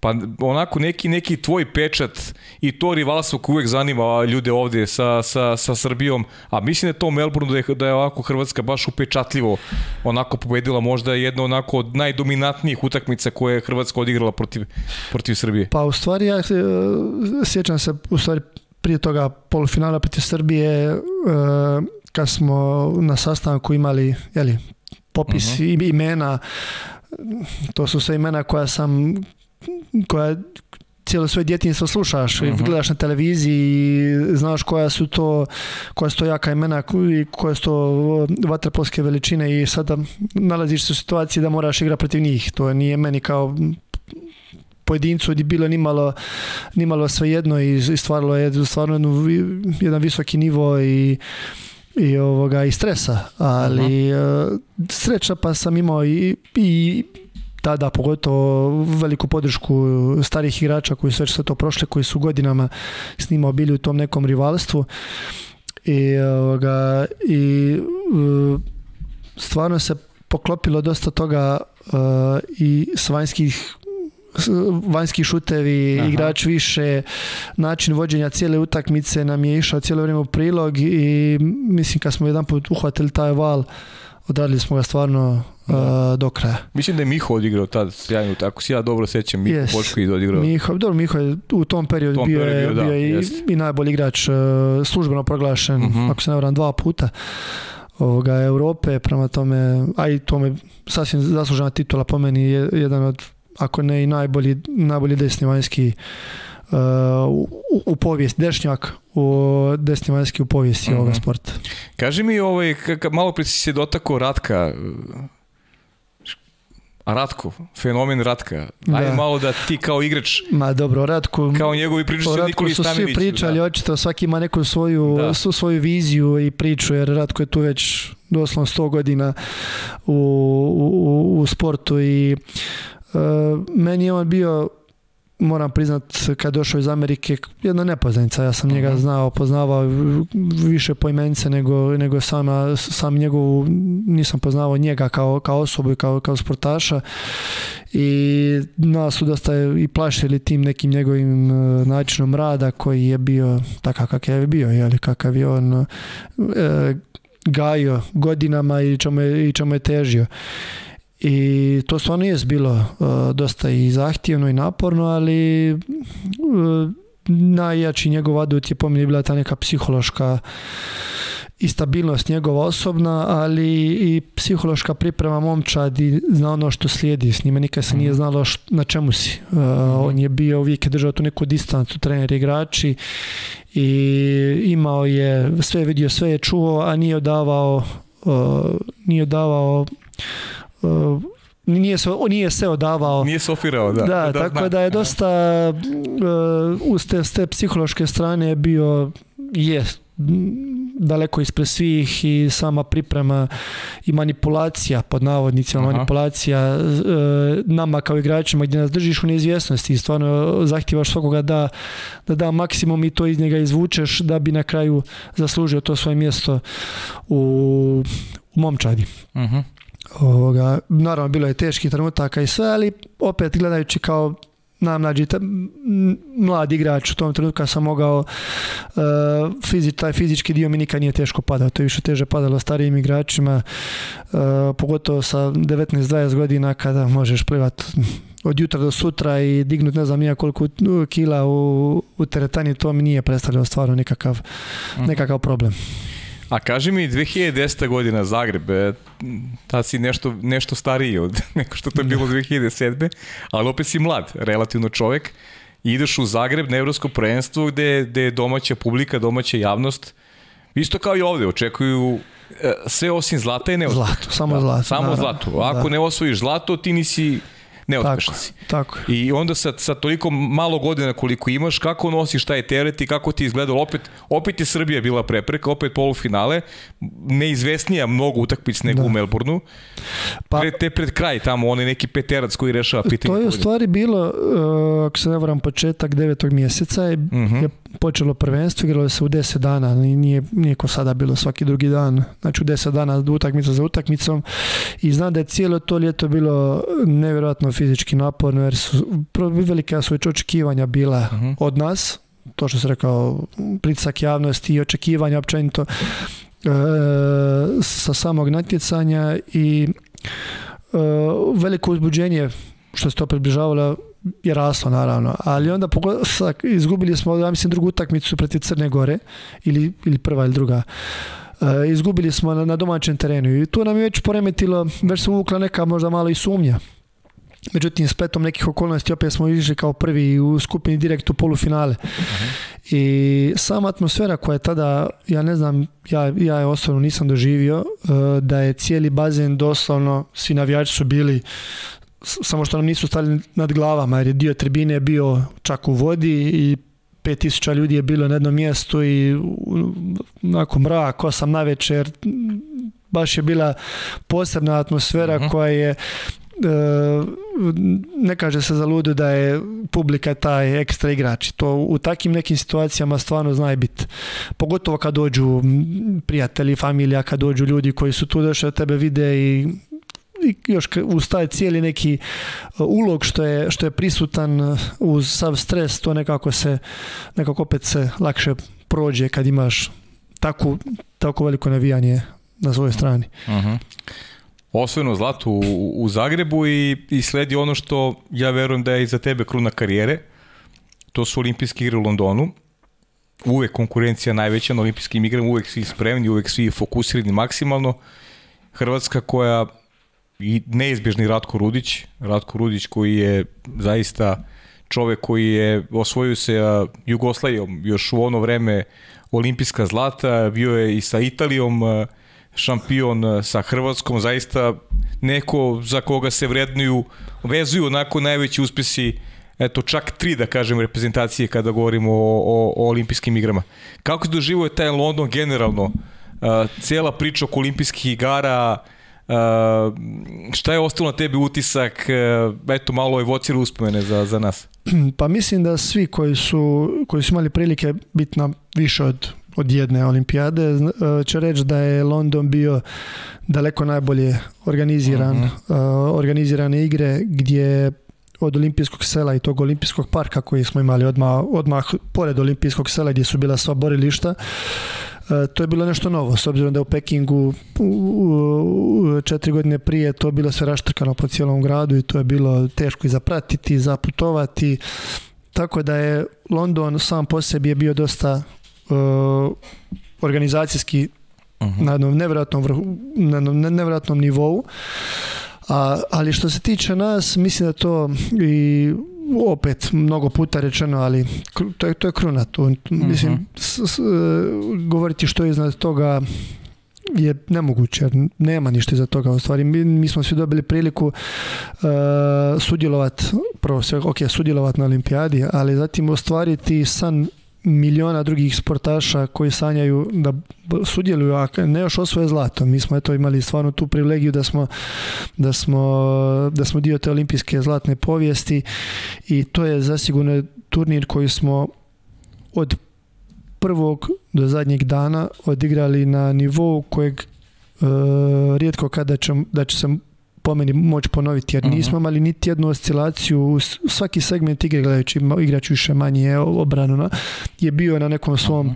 visokom nivou koji je držao cijeli, cijeli turnir uh, svoju, svoju, liniju išao samo prema gore i samo dominantno, dominantna pobjeda u finalu gdje smo i gubili u jednom, u jednom periodu na početku pred Italijana stvarno daje nam za pravo da smo se prošetali tim turnirom. Uh E, ili to jeste malo neko ko najvažniji, najvažniji turnir koji se odigrali tako u karijeri i koji ćeš onako ima posebno mesto u srcu? Zasigurno, zasigurno i to mnogo puta sam rekao, tu nema, više od toga nema. To je, mi smo se popili na taj olimpijski vrh i e, ostvarili smo ono što mnogi sanjaju i to je, to će ostati za, uvijek. Zlatni sloj mm -hmm. u našoj memoriji, u memoriji hrvatskog sporta, olimpijskog sporta. Mhm. Tako da, e, velika čast i privilegija. E, pre nego što se, se malo na Tokio, želim samo još, neću da te pitan za takmičenja koje nisi osvajao, prosto imaš mnogo tih zlatnih odliča pa hoću i Budimpešte se dotaknemo, naravno svesko prvenstva gde, opet e, mm, imaš Srbiju u polufinalu i Srbiju koja pre toga nije izgubila dugo godina unazad, gde dolazi sa mnogo samopouzdanja, ulazi u to polufinale kao favorit realno protiv, protiv tada Hrvatske, ali Hrvatska dobija tu utakmicu, seća se da je bilo na veliki broj golova taj meč da. Hrvatska i ono sam rekao Ivici Tucku u, u, našem razgovoru, Eh, meni je to finale eh, Hrvatske proti Mađarske nekako posle Londona možda najbolje partije koje je Hrvatska pružila. To proti Mađarske, to finale 2017. Stekao sam utisak kao gledalac da se utakmic igra 2-3 dana da, da Mađarska ne bi pomog, da bi pobedila uz svu moguću pomoć sa strane da, da bi da bi jednostavno jednostavno ostala ostala poražena u tom finalu. Pa evo sjećam se jednog detalja koji je uh, iza Rija 2016. iz mhm. olimpijade, uh-huh. negdje prošla dva-tri mjeseca i baš me zvao Tucak, mhm. čisto da vidi kreće novi olimpijski ciklus, jeli kreće nova neka, neka planiranja, mora i, mora i on nekako posloži neke stvari i, ovoga, i jednom trenutku mi je rekao, slušaj, želim želim da nastavim u ovom nekom u, u, u, kao dosad, jeli? I onda mi rekao kao imamo, imamo da, bismo, da ćemo biti e, svjetski prvaci do godine. E, neke stvari su tu bile i promijenile. Imali smo, dobili smo ušao je sportski psiholog u, u ekipu, nekako e, stvari su se nekako možda malo posložile na način da smo bili taj turnir dosta mirniji, dosta fokusiraniji nego možda nekih mhm. godina prije. I to se vidjelo u odlučujućim stvarno momentima i polufinala i finala gdje jedan od nas nije gubio glavu. Znači, nije, nije, nije dolazila situacija da neko gleda u prazno, da govoran tijela pokazuje da je izgubljen, da, mhm. da nego svaki je bio u tom momentu tamo gdje je trebao biti. Uh počevši od, od, od, od Ivice kao trenera do na način koji nas, je, koji nas je vodio i čak i u trenutku kad bismo gubili nije se činila neka nije se činila neka drama, što stvari sve vrhunske momčadi moraju ovoga, moraju doći do, do, toga nivoa da jednostavno mhm. i kad gubiš zadržiš tu pribranost. E, u finalu imali smo i tada igru i Sandro, koji je bio jest. i te godine službeno proglašen najbolji, mhm. najbolji igrač e, svijeta, koji je taj turnir vodio iz vode kapetanski kao, kao niko dosad, stvarno, to je tad i koji je praktički sam riješio pitanje pobjednika u tom finalu jer je na, na sebe navlačio, otvarao nas druge, zabijao za tri gola još zabio u finalu prema tome jedna njegova partija koja, koja bi se trebala dugo gledati i analizirati uh mhm. e, svetska titula osvojena 2017. godine i naravno bilo je tih e, neuspeha, neću sad da, da, da mislim neuspeha. Bilo je medalja, jednostavno nije, nije uvek mogla budu zlatna i to je ono što je pritisak javnosti i u Hrvatskoj, i u Srbiji, i u, za vaterpolo, što je meni nevjerovatno ako se ne osvoji zlato, to je smak sveta. I to je nešto što prati reprezentacije dve zemlje već unazad aset godina i e, izgubljeno finale u Srbiji u, u, u Riju i Tokio gde je onako poprilično šokantno ovaj, doživljeno svuda, rekao bih, taj poraz koliko god je mađarska vatra polovele sila, Hrvatska je realno bila favorit u tom četvrtfinalu i svi su očekivali će Hrvatska pojeti Šta ti misliš da se tu dogodilo zbog čega Hrvatska nije uspela da da napravi stepenicu više i da se bori za medalje? Pa mi smo išli na, na olimpijadu sa stvarno velikim očekivanjima i imali smo jasno zadane neke ciljeve e, koje smo htjeli, znači nismo gledali odmah kraj turnira, nego koji smo postepeno htjeli e, ostvarivati. E, I sve je bilo podređeno tome i fokusirali smo se stvarno na, na, olimpijadu kao, kao krunu jednog tog četvrogodišnjeg ciklusa koji nam je stvarno bio bitan i imali smo velike ambicije za, za ući za početak smo rekli u borbu za medalju, jer to je naravno nokaut faze i četiri finale je u stvari najteža, najteža utakmica u, na, na svakom e, turniru koji se tako igra, pogotovo kad je u pitanju olimpijade. E, mi smo izvukli Mađare na kraju i mislim da smo da smo i tekako imali e, kvalitetu za igrati protiv njih, pogotovo jer smo ih i u u 2019. Da, svetskom, Skoro da, znači to je bila skoro ista momčad, e, relativno, relativno izdominirali. Za bronzu. Tako je. I imali smo, imali smo stvarno realna očekivanja. E, međutim, utakmica je od starta počela krivo, gdje smo uz uz pogotovo ni završnicama četvrtina napada primili dva, tri dosta nepotrebna gola koja se u normalnim mhm. okolnostima i tekako eh, i ovoga, lako obrane i tu su onda ovukla i, lagana nesigurnost mhm. i jednostavno ušli smo u rupu iz koje se nismo nismo više mogli izvući. Jednostavno još ima Manherc sedam, sedam golova što se isto rijetko kad viđa pogotovo na tom nivou eh, i nismo više bili u nikakvoj priči. Mhm. Mogli smo eventualno ublažiti neki poraz, ne, ali vidjelo se da to nije ono, ono što, zašto smo se pripremali cijelo to ljeto. Mhm. Kad sumiraš karijeru repestinu, e, koji ti poraz najteže pao? Da li je to sad taj protiv Mađarske ili ima neki koji si onako baš doživeo posebno teško i ajde da kažem negde uticao negde na, na, na, na, tvoju, na tvoju psihu ili trenutno stanje kako god? Pa, dobro pitanje, nisam o tome razmišljao, ali ovako gledajući e, e, u Pekingu 2008. smo isto izgubili četvrt finale. Mhm. Međutim, to je opet kao najmlađi, ono što sam malo rekao, e, poraz boli naravno, pogotovo što ne znaš nikad hoće li se okazati druga prilika mhm. da budeš e, e,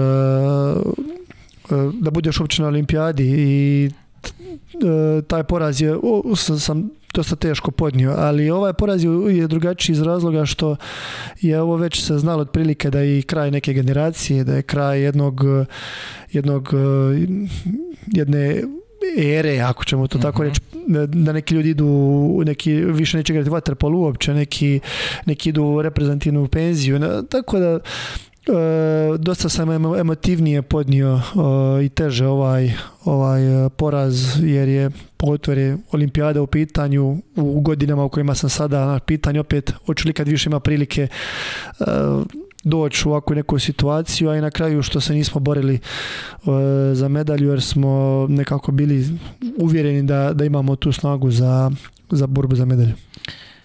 E, Maro, kaži mi, pošto to nije tajna, ja to sam, to sam pričao i sa, i sa, i sa selektorom e, Hrvatski Vicom Tuckom, e, pitao sam ga da li je tačno da, da pokušava da Mara Joković odgovori odgovorio od toga da da više ne igra za reprezentaciju i, i upravo je rekao da si ti jedini sa ovaj, koga želi od tih igrača koji su najavili opušte da igre i dalje i I preneću ti sada i šta je rekao tačno, ne da igra na svetskom i na evropskom, nego da igra možda evropsko i da igra olimpijske igre u Parizu.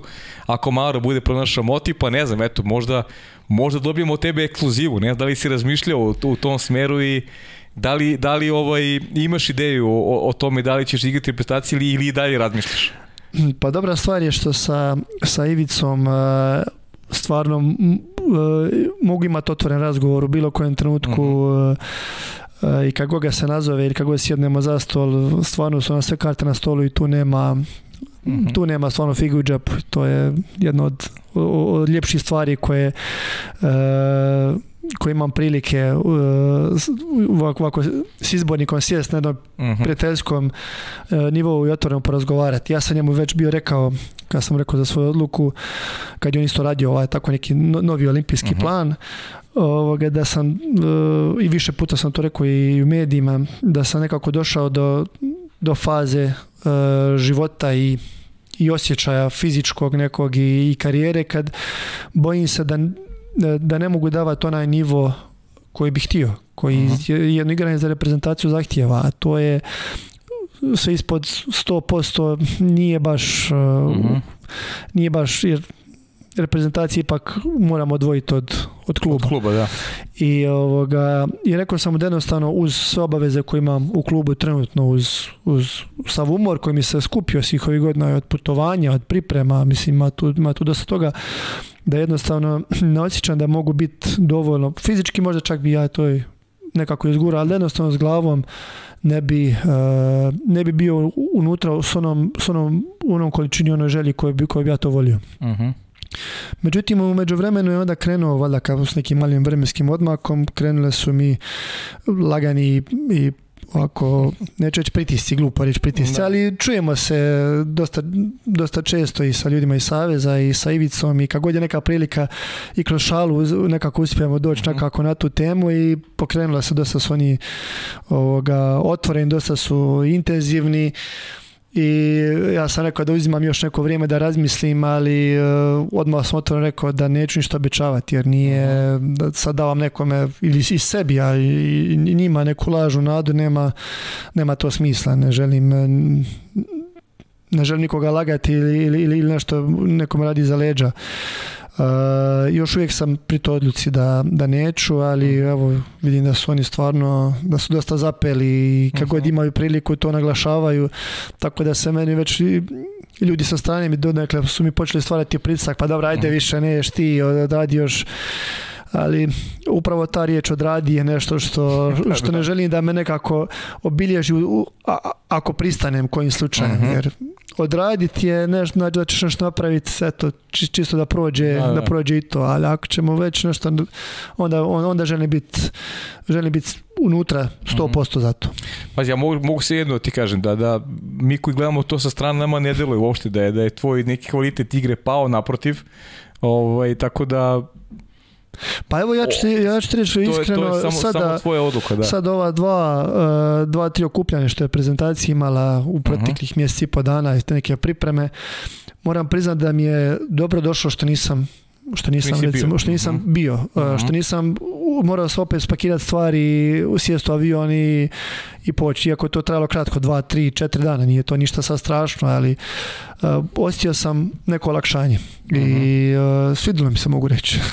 Samo sam, sam je opet neobično što kad, kad krene ljeto, kako izgleda to, kako izgleda slobodno ljeto. To mi isto nepoznanica jer evo zadnjih 20 godina sam stalno po nekim e, turnirima, pripremama, reprezentacijama i čak su me neki ljudi pitali pa dobro kako ćeš prve ljeto kaže ja ne znam nisam nikad e, nisam nikad imao priliku mhm. tako da i tu me sada još imam i, i tri curice doma koje uvijek čekaju da završi sve promenema me cijelo ljeto pa onda čekaju da završi cijela ta E, cijela ta reprezentativna akcija i dok ja dođem, to je to, kraj već ljeto završilo. Tako mhm. da opet i tu osjećam neku vrstu i odgovornosti prema njima. Uh mhm. -huh. Iako opet, naravno, ja vjerujem da bi njima bilo jako drago doći u Split. E, A, da tata Da probodri tatu i, i gleda s tribina jer već prate to dosta.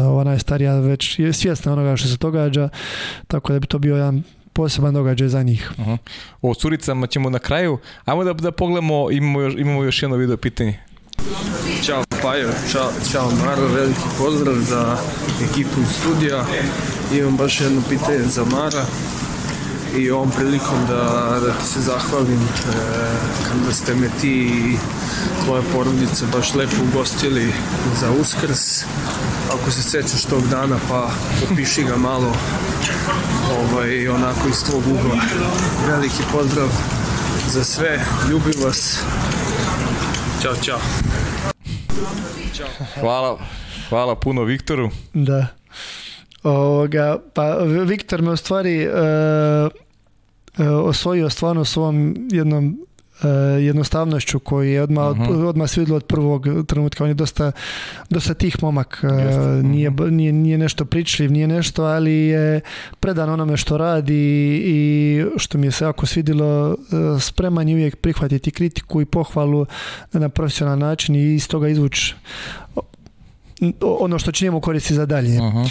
E, iskreno, ja, njega nisam poznavao dobro, ni njega, ni, ni brata ovoga prije, prije što je došao Jug, ali se pokazao kao stvarno jedan momak koji je s dvije noge mm. na zemlji i što god da se dogodi neće e, neće poletit, neće ovoga neće umisliti da je, da sad ne znam što i taj njegov, njegov nepristrani pristup mi je stvarno eh, stvarno legao i nekako mi sam osjetio sam se neće glup reći dužan osjetio sam se osjetio sam da ako ga pozovem doma kao što on je, on je spomenuo i sarme i ne znam ja što na jedno to na jedno tako neformalno druženje uh, da možemo bojica profitirati iz toga. On prvo što je došao u nepoznat grad i mm. dao si neku vrstu e, domaćinstva i ja jer sam u društvu momka koji, s kojim jako ugodno se može porazgovarati o čemu, o čemu god. I, ovoga, I stvarno su ga dobro primili i, i moja supruga i, i, djeca i još su kad došao ako kovrčav e, e, s bradicom onako dosta bio osvježenje u kući i ovoga, stvarno smo proveli tako jedno jednu ugodan ručak, ugodno popodne. Ja sam nadam, meni je drago da, da on to spomenuo, znači da njemu istalo, ostalo u jednom lijepom sjećanju. Jest, priča da. Da, tako da, eto. Ja se nadam da će to biti još prilike toga, ne, ne samo zbog u sklopu vatrepola, nego ovako, možda neko ljeto. tako je. da. A kaži mi, Maro, kad pričamo o nekoj budućnosti e, hrvatskog vatrepola, imaš prilike u jugu da igraš sa boncima koji onako baš stavaju brzo. Prošle godine su također imali, imali ulogu u, u, u, u e, Jugovom timu, e, sada su i na spisku selektora Tucka, mislim tu i na, i na Žuvelu. Konkretno, e, kako ti vidiš budućnost hrvatskog vatrepo? Eto sad, da li će Maro da ili neće, da stavimo to po strani, ali da li vidiš momke koji mogu da budu naslednici e, igrača koji su, koji su ovaj, napustili reprezentaciju nakon Olimpijskih igara u Tokiju?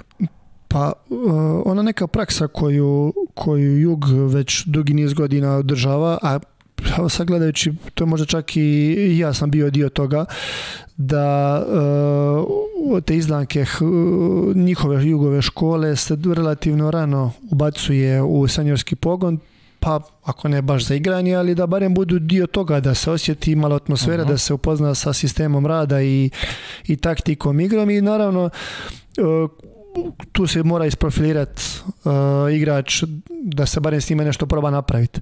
Mhm. Uh -huh.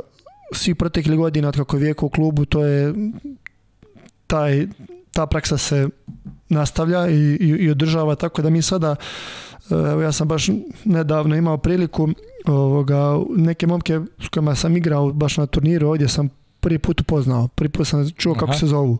Aha. Ali oni su tu, znači oni su, oni su s nama na trenizima i oni odrađuju e, isto treninge kao mi i oni se već lagano ubacuju tjera ih se da razmišljaju svojom glavom, da, da ponekad i preuzmu inicijativu, ne čekuju se ne znam kakve stvari, ali da preuzmu inicijativu i da s vremenom se tu, ako se jedan dvojica uspiju progurati na, na, na, tu reprezentativnu scenu, to je, to je izvrstan uspjeh, pogotovo jer opet naglašava mali grad, mhm. mali broj djece, relativno jedan bazen, jedna škola, jedan klub, znači nama tu baš nekog velikog, velike velike vreće iz koje se može izvući ne znam mhm. koliko ovoga djece i e, sad već došla do te neke smjene generacije i u nas e, i kao što možemo vidjeti reprezentacija i dalje evo, pobjedili su Grke prije dva dana u svjetskoj lizi e, sistem postoji ti igrači koji sada su tu uz par mlađih koji tek prvi put dolaze, već su bili u reprezentaciji, već oni poznaju i, i kako funkcionira, cijela reprezentacija, kako se što Ivica od njih očekuje, što je koja neka, neka hirarhija raspodjela obaveza i ja se stvarno nadam, a pa ovome što, što sada možemo vidjeti, da opet se zadržava taj neki visoki nivo, jer trebalo bi nastaviti raditi na ovom kontinuitetu koji se stvorio od tamo 2007. kad je krenula cijela ta mhm. priča koja traje već dugih, evo već ove 15 godina i stvarno e, i sve smjene što smo imali, sve probleme e, zdravstvene, ovakve, onake, gdje su igrači otpadali, uvijek smo bili u borbi za medalju, uvijek smo bili u tom nekom polufinalu. I ja ne vidim razloga zašto to ne bi se nastavilo i sada.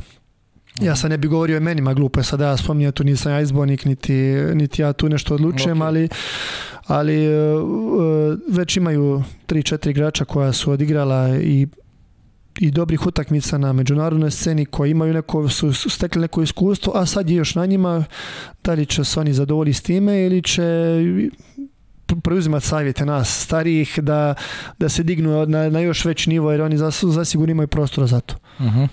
-huh. neizbježno pitanje, naravno, ovaj, ta, to rivalstvo sa, e, sa Srbijom i evo, ovi tvoji ispisnici iz Srbije koji su dvostruki olimpijski šampioni, kako ovaj, doživljavaš taj njihov e, rezultat, e, kako vidiš ovaj, tu, tu generaciju koju je predvodio Dejan Savić, koji je također eto, i Srbija sada sa promenama, znamo koliko igrača je otišlo iz, iz ekipe, pa eto malo taj tvoj neki ugao, pošto ono što ja stalno volim ovdje ističem, to neko veliko rivalstvo koji imate, opet s druge strane jednu pozitivnu sliku koju ste stalno slali, e, koja treba da bude za primjer svima u regionu kako trebaju da se ponašaju zdravi sportisti i, i normalni ljudi.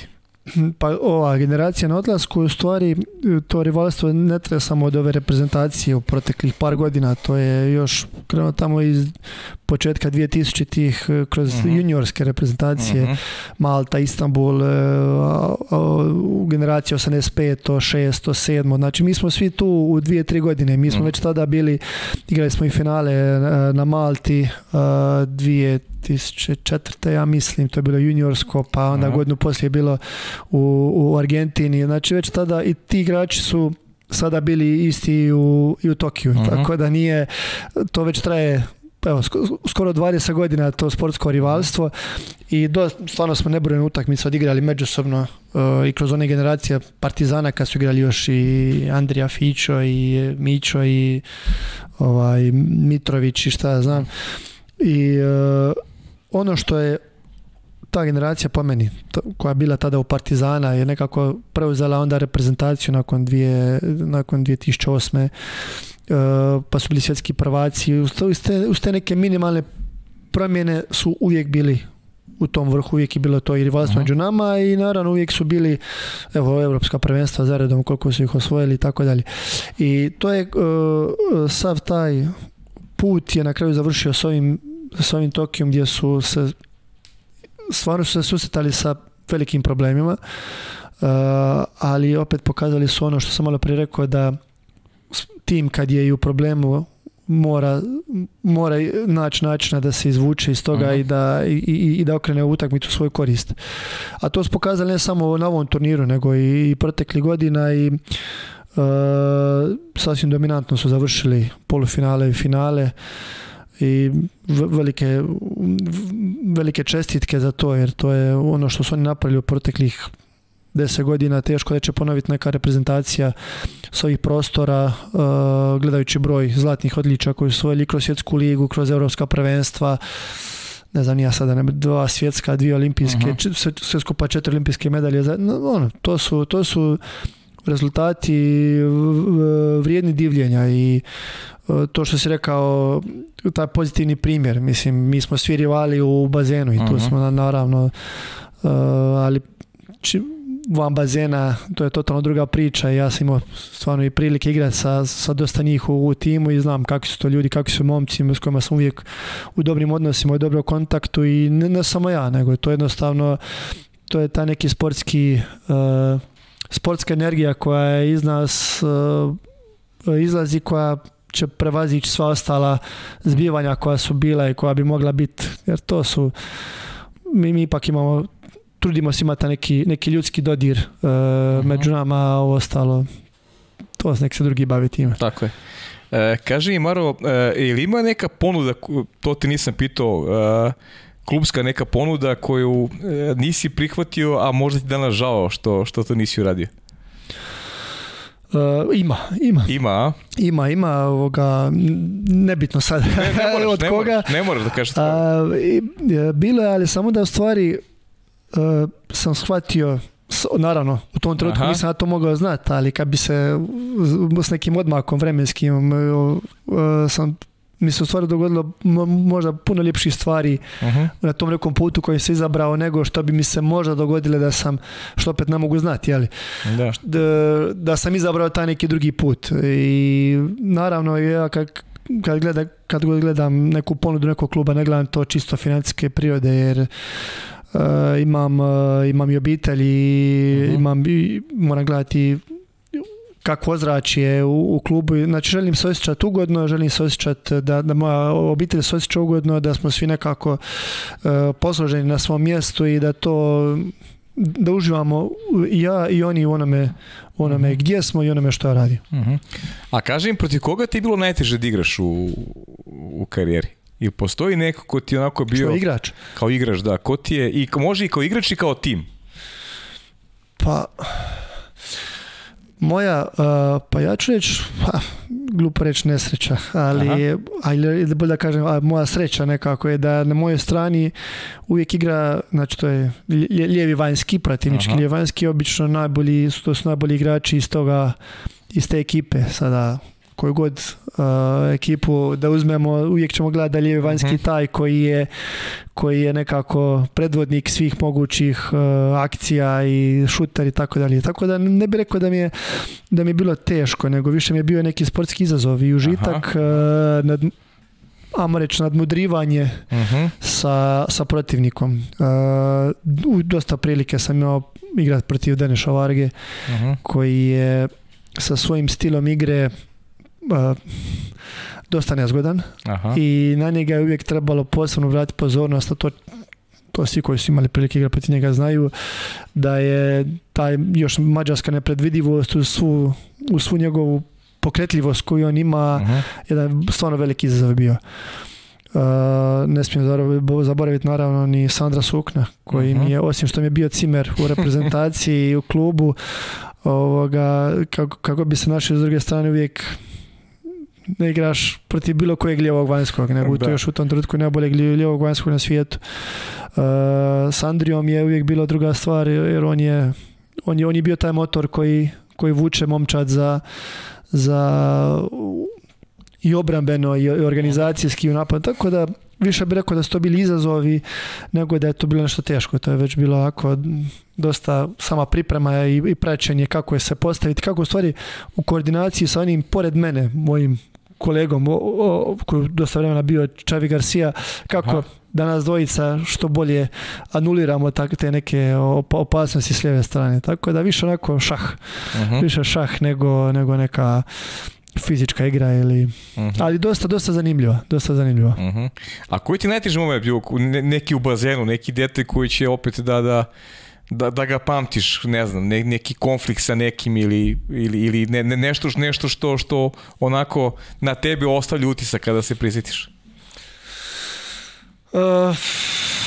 neki prgav igrač koji te onako nervirao možda. Ma, uh, sad, eh, obično najčešće mi se znalo događati da, da klubovi i reprezentacije, ajmo reći, malo slabije kvalitete ili nižeg nivoa imaju mhm igrače koji su, koji su prgavi na način da taj manjak kvalitete probaju nad, nekako na tom fizičkom dijelu. Mhm. I to je ono što čega smo se mi svi uvijek nekako užasavali kad igraš protiv e, reprezentacija, pogotovo koje puno plivaju, uplivavaju, a ne, mi, mi smo govorili, ne znaju ni oni zašto uplivavaju, ali uplivavaju i čine pomutnju i to je to ono što nas je uvijek nerviralo. Tako da je e, bilo je prilike igrati protiv takvih igrača, ali sada tu već nekoga Dobro, okay. se to bi već bilo. Bolje kad se nekoga hvali nego kad se nekoga... ok, ured, ured, pošten, šta sam teo, Maro, kaži mi ovaj, kako si zadovoljan ovim, ovim nekim... E, da kažem svetskim poredkom, ne svetskim poredkom vaterpolu, nego, nego tim promjenama u igri. Šta misli bi trebalo da se uredi da se, da se još više popularizuje vaterpolo E, kako ti kao neko koji je vrhunski igrač, neko osvojio sve u ovom sportu, kako gledaš na budućnost sporta? Da li si, da li si zabrnut ili, ili misliš da, da su smernice dobre koje, koje onako pokazuju gde ide, gde ide vaterpolo sutra? Pa po meni ono nekako što je, što je generalno, e, gledajući sport općenito, sve što ima puno golova je puno zanimljivije i mhm. nekako ja pretpostavljam da je da je i Vatrpolo neke Fina, Elena, da su nekako išli u tom smjeru. Međutim, eh, eh, mnogo puta se spominjalo ljetni sport, e, igranje na, na otvorenome i mislim to su sve teme koje su sto puta prožvakane, ali sama činjenica da ponekad e, mi igrači ne znamo zašto se nešto sudi, zašto je, mhm. zašto je sad isključenje, a, ista takva situacija za 20 sekundi nije isključenje. E, zašto sudac ima toliku, moć da, da usmjerava igru u onom smjeru u kojem on hoće, bilo to namjerno ili, ili čisto iz neznanja. E, to su neke sve stvari koje odbijaju pomeni po gledatelj, jer gledatelj je zbunjen i, ne znam uopće što gleda. I, i, jer nema točno definirana pravila zašto, mhm. se, zašto se nešto u bazenu događa, ali opet, to, to čak i, i mi se dosta puta, e, dosta puta zapitamo.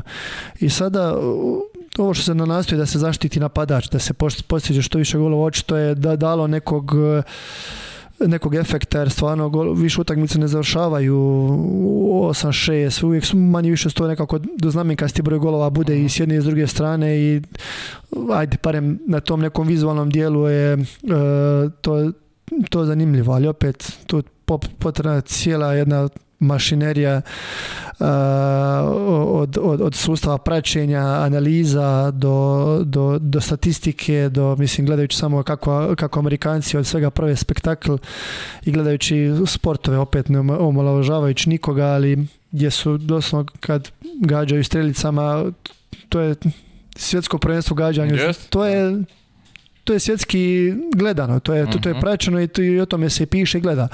A jedan sport kao što je naš koji je stvarno predivan i dinamičan i stvarno je, ima se što vidit, uh, kaska puno za tim, e, za, za, ostalim sportovima i evo godinama se već priča da će maknuti sa olimpijskog programa vaterpolo, što je opet absurd, pošto je to prvi kolektivni sport na olimpijadi od, još od, od Kubertena tam. Tako da smo e, mnogo toga se treba napraviti, a opet pitanje volje, pitanje usudim se reći sitnih interesa koji nama svima nisu, nisu e, e, razumljivi nikako ni zašto, ali za bolitak nekako sporta to potrebne su drastične promjene za koje bojim se da će, da će se naći neki konsenzus među svima i klubovima, reprezentacijama i federacijama. Tako da dosta, dosta, dosta smo nezahvalnoj poziciji. Uh ovo, ovaj, ima bi ja mnogo što ga ti pitam, ali ajde pređem pitanje gledalaca da, da, da te ne da im previš, znam da imaš i trening večeras, ovaj, da ne zapostim gledalaca, evo Aleksandra Pantić, mnogo mi je žao, zaborio sam da postim pitanje za Tucka, vrlo lepo Aleksandra Pantića za Petra Muslima, e, da li je greško su Petra stavljali da igra krilu umesto centra, s ozilo bio odličan centar u mlađim kategorijama, Aleksandra Pantić inače igrao vaterpolo i mm e, studirao u Americi, tako da pomno prati i zaboravio se to, a pitan Tucka, ali dobro. A za tebe je pitanje, e, kaže, da li možda se pristiš utakmici finala Evropskog prvenstva između Srbije i Hrvatske na mati 2005. godine, čini mi se. Kaže, užasno loše vremena i zlatno glova Vjekoslava, Vjekoslava Paskovića u pružetku čuo sam da su bila strašno dobra utakmica. to je baš, to je baš bila utakmica koja se igrala pod nemogućim uvjetima, mhm. jer je Malta koja inače, ja ne znam koliko milimetara kiše godišnje oni imaju, e pa cijela kvota godišnja je pala e, u tih 60 minuta naše utakmice, u tih huru povremena. Znači, to je doslovno se 10 cm e, od površine vode se ništa nije vidjelo. I to je bilo, to je bilo nemoguće. Mi se još uvijek e, često sjetimo detalja s te utakmice. Mhm. ovoga. Mi smo imali veliku prednost, mi smo čak 6-3. Mhm.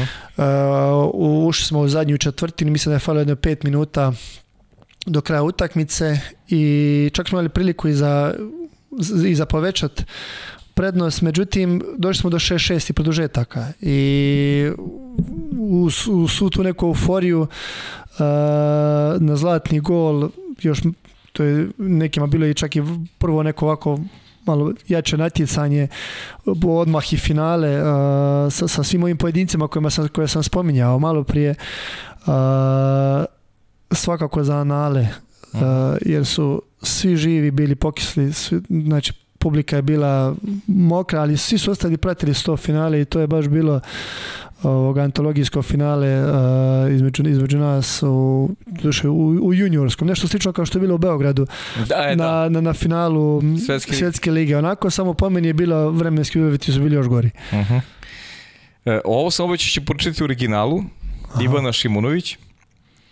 Dobro. Legendu veliko hvala još jednom što smo sestrija počeli pratiti Jugi Vatrpo. Hvala ti što se uvek kad igraš vani vratiš u svoj naš klub Jug. Kaže, imam pitanje, zbog čega broj 5 na kapici bilo u klubu i reprezentaciji? Kako se osjećaš kad znaš da si sestri mi najdraži igrač, kad znaš da smo sve ovo započeli s Jugom zahvaljujući tebi? pa evo, pozdrav e, sestra Mašimunović.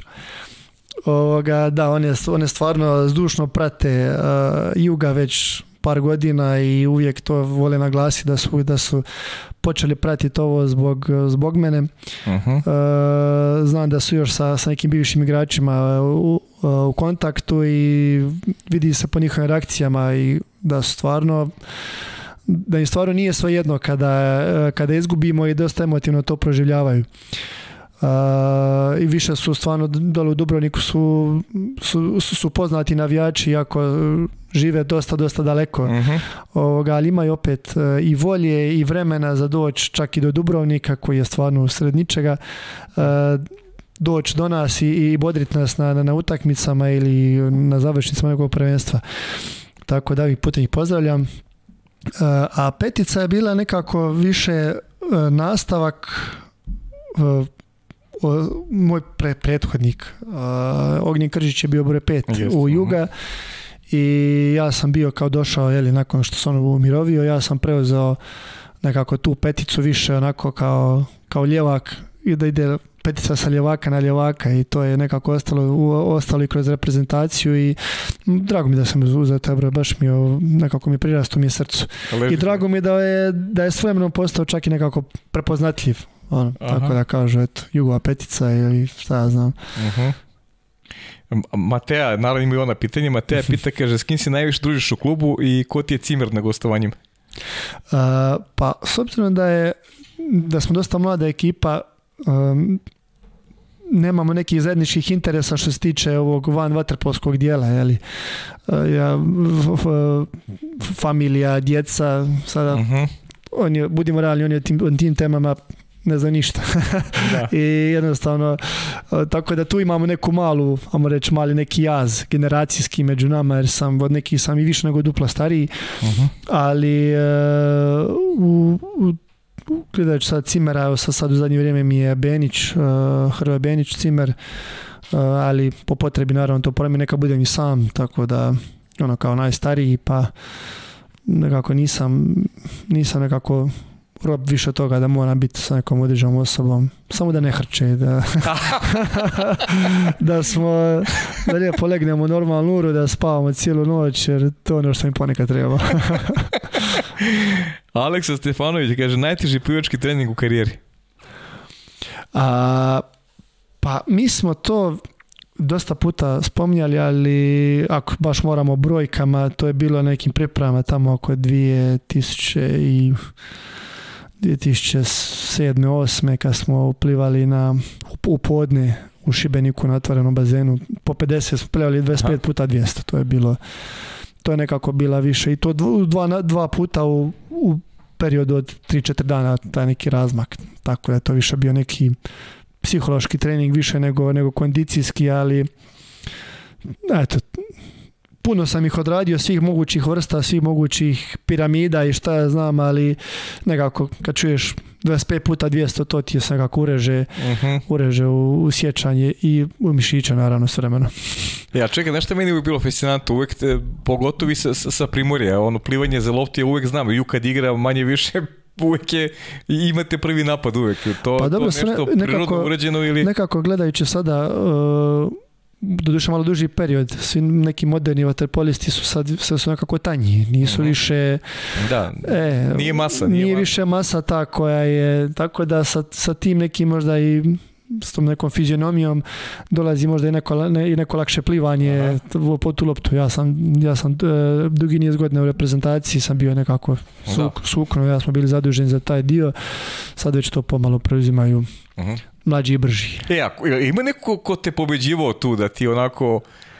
A dobro, gledajući u, u, svijetu jedan jedini je koji je, ma, mislim, e, uspješnost mu je a skoro 100%, mislim, nije sto, ali to je Pietro Filjoli. To Pietro je, E, pa to je čovjek koji, to je, to je metak, taj, taj pliva mhm. i dosta puta se dogodi da jednostavno, ono, nema smisla jednostavno. Zašto se umarati? I ne plivaš uopšte, pa, Ponekad stvarno nema smisla. Može se probati, ali nekako, to je njegov zadatak kojeg on vrlo rado odrađuje. I... si ga pobedio nekad u plivanju pa iskreno ne sjećam se, Aha. ne sjećam se, ali se sjećam, e, par puta su ga uspjeli pobijediti i tim momcima je tu utakmica završila. Aha, znači sa tim uspjehom, znali su e, protiv reka nešto da će se izgubiti, ali uzeli su Pietru na loptu i, I vadi me vanka, ja sam sve obavio za danas. Idem kući, gotovo. to, I to sam još vidio par puta i to je to. da. E, kaže, e, Aleksa, vremena na 50, 100 i 200 metara, ili znaš? E. Ne moraš ako se uh. Idemo dalje. Ne znam, ne znam, to je, da, davno sam prestao, davno, davno prestao, da prestao gledati i natjecati se sam sa sobom, jer da. To je drugi sport. e, Sandi Mertilj, bivši predsjedac Slovenije, on, on stalno postavlja, postavlja pitanja. E, i vrlo zanimljiva. Kaže, kako ćeš da popuniš slobodno vreme kad ne budeš više u reprezentaciji i možda da se nadovežemo šta Maro Joković planira da radi kada završi karijeru? Da, to su jako dobra pitanja koje mene, mene muče. Ja ne mogu mhm. dati e,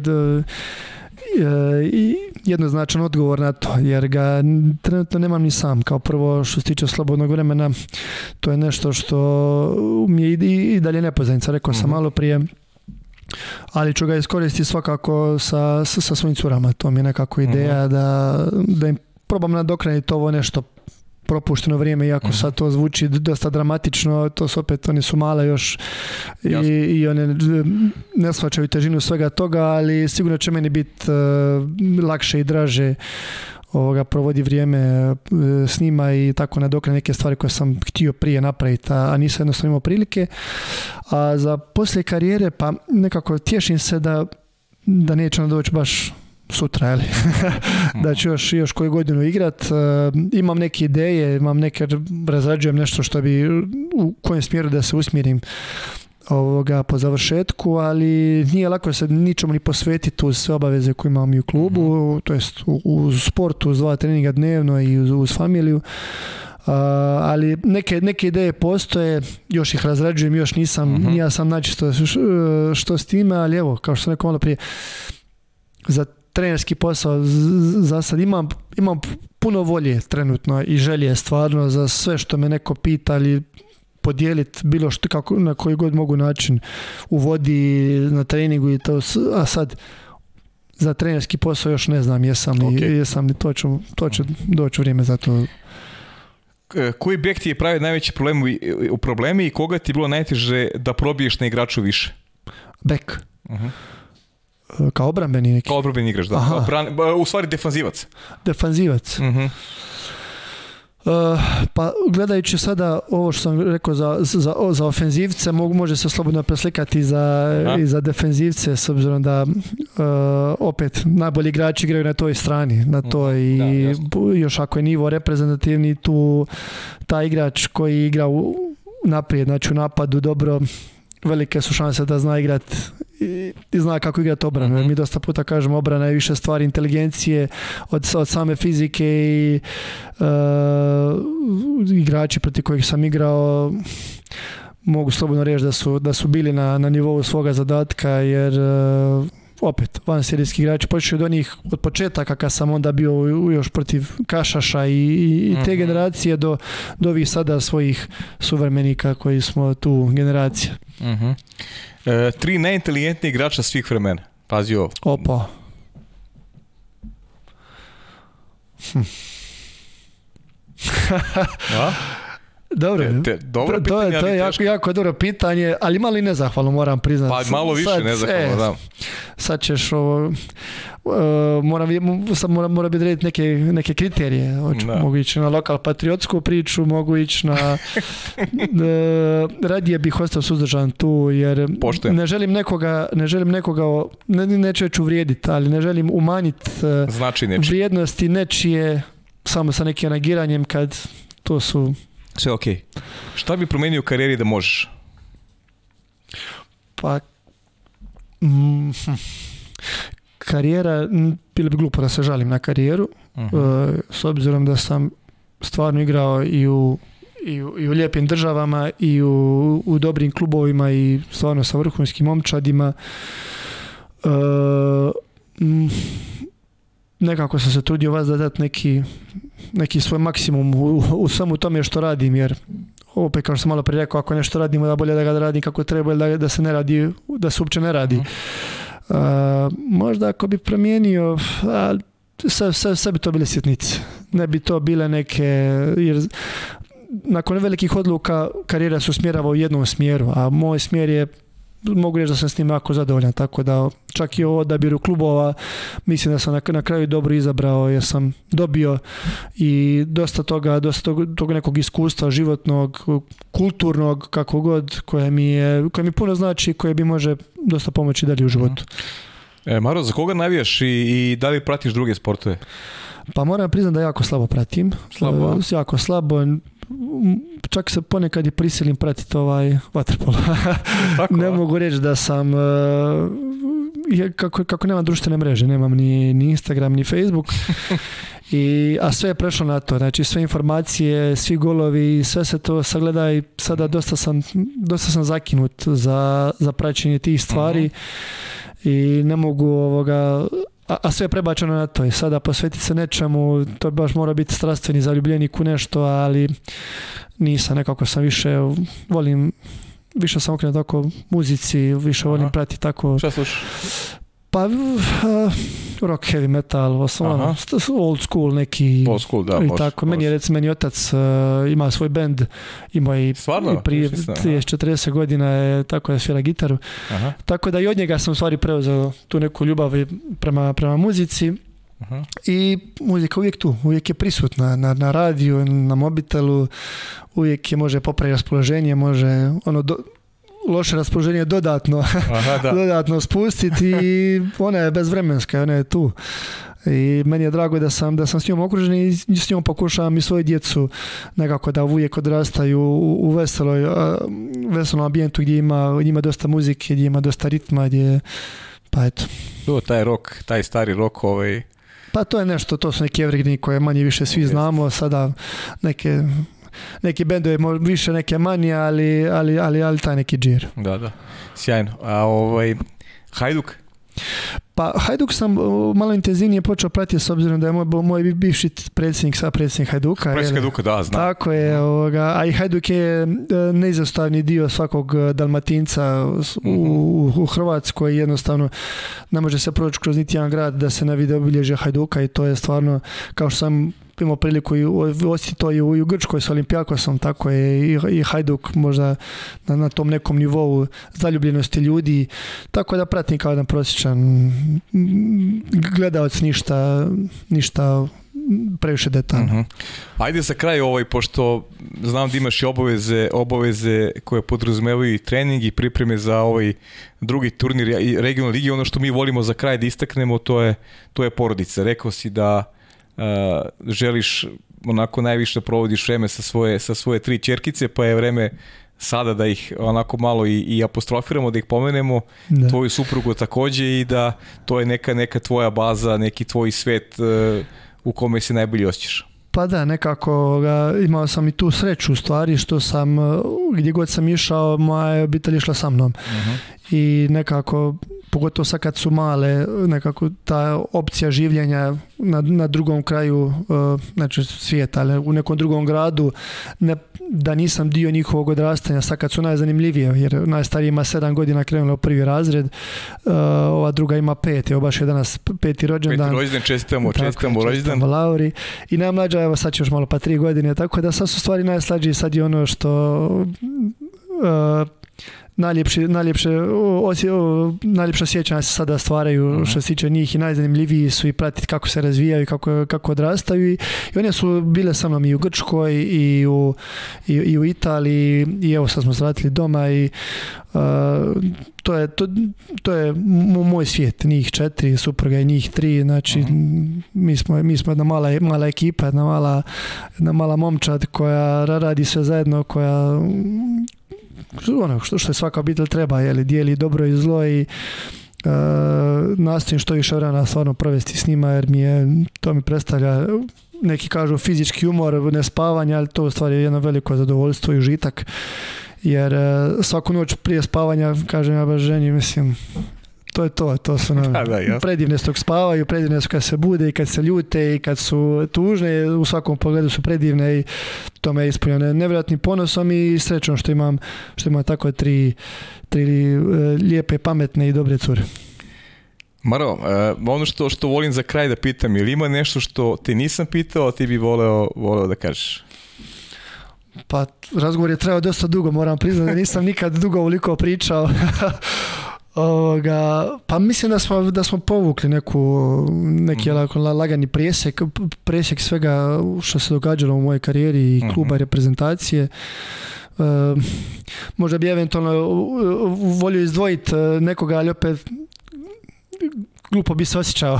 Da, okay, Jer imao sam stvarno, stvarno i, imam prednjih poznanstava, sam stekao po cijelom svijetu i koji dan danas održavam i, i drago mi je da, da ima neki pozitivan feedback od svih tih ljudi jer to je na kraju mi ispalo i, i najveće bogatstvo uz ovaj sportski dio da što sam se obogatio na tom nekom kulturnom dijelu sa jezicima, sa upoznavanjem novih ljudi i prijateljstava e, to je i to se na, na, na kraju kraju i neke radne navike koje su se u, timu i, na, i u, sportskom smislu koje imam, za kojima mislim da ih, da ih ne mogu naučiti negdje ovako iz knjige. Maro, mogu samo ti se zahvalim što si izdvojio vreme i došao u naš studio.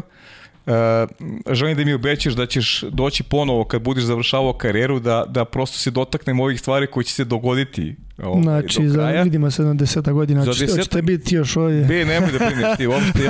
Ja, ti želim da traje karijera dokle god ti želiš pa da, se postaviš i trenerskom poslu kao što vijeku nije hteo pa je posle postao trener. Imam utjecaći tako da takav slučaj biti i sa tobom.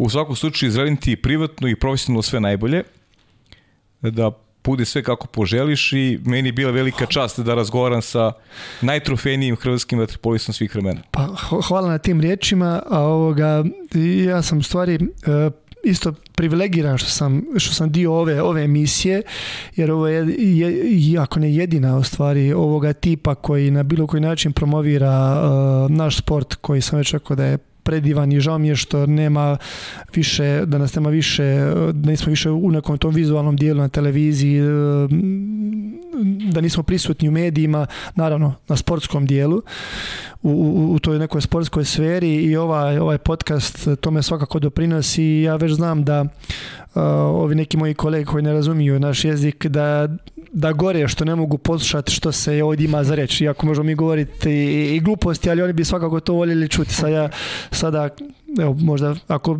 titlovi kakvi na engleskom, kako buduće. Pa pazi, pro, vremena, ali ja sam uvjeren da bi, da bi cijeli vaterpolo svijet to jako rado pratio i jer ovo je stvarno jedinstveno nešto što imamo mi u našem malom sportu. Hvala ti puno na sugestiji, probat ćemo, i da taj nivo ovaj, negde, da negde dokučimo i da, i da, da napravimo pomak i, u organizaciji i dobio sam ovako, ovako privatno poruke da bi to trebali da uradimo i hvala ti što si to rekao javno pa eto ovaj, neka to bude neka poruka i za, i za ljude koji se E, pored mene bave svim ovim da, da unapredimo taj proces. Da pače, to bi bilo, to bi bilo divno. Hvala Maro puno, mi se družimo, mi, se, mi smo na vezi. E, bio je to Maro Joković, e, najtrofejniji hrvatski vaterpolista svih vremena jedan divan čovek, sjajan sportista i nadam se da ćete uživati u ovom podcastu, a pratite Sarin i moj Instagram profil da saznate ko će biti naredni gost u vašem i našem ovdjevnom podcastu. Svako dobro.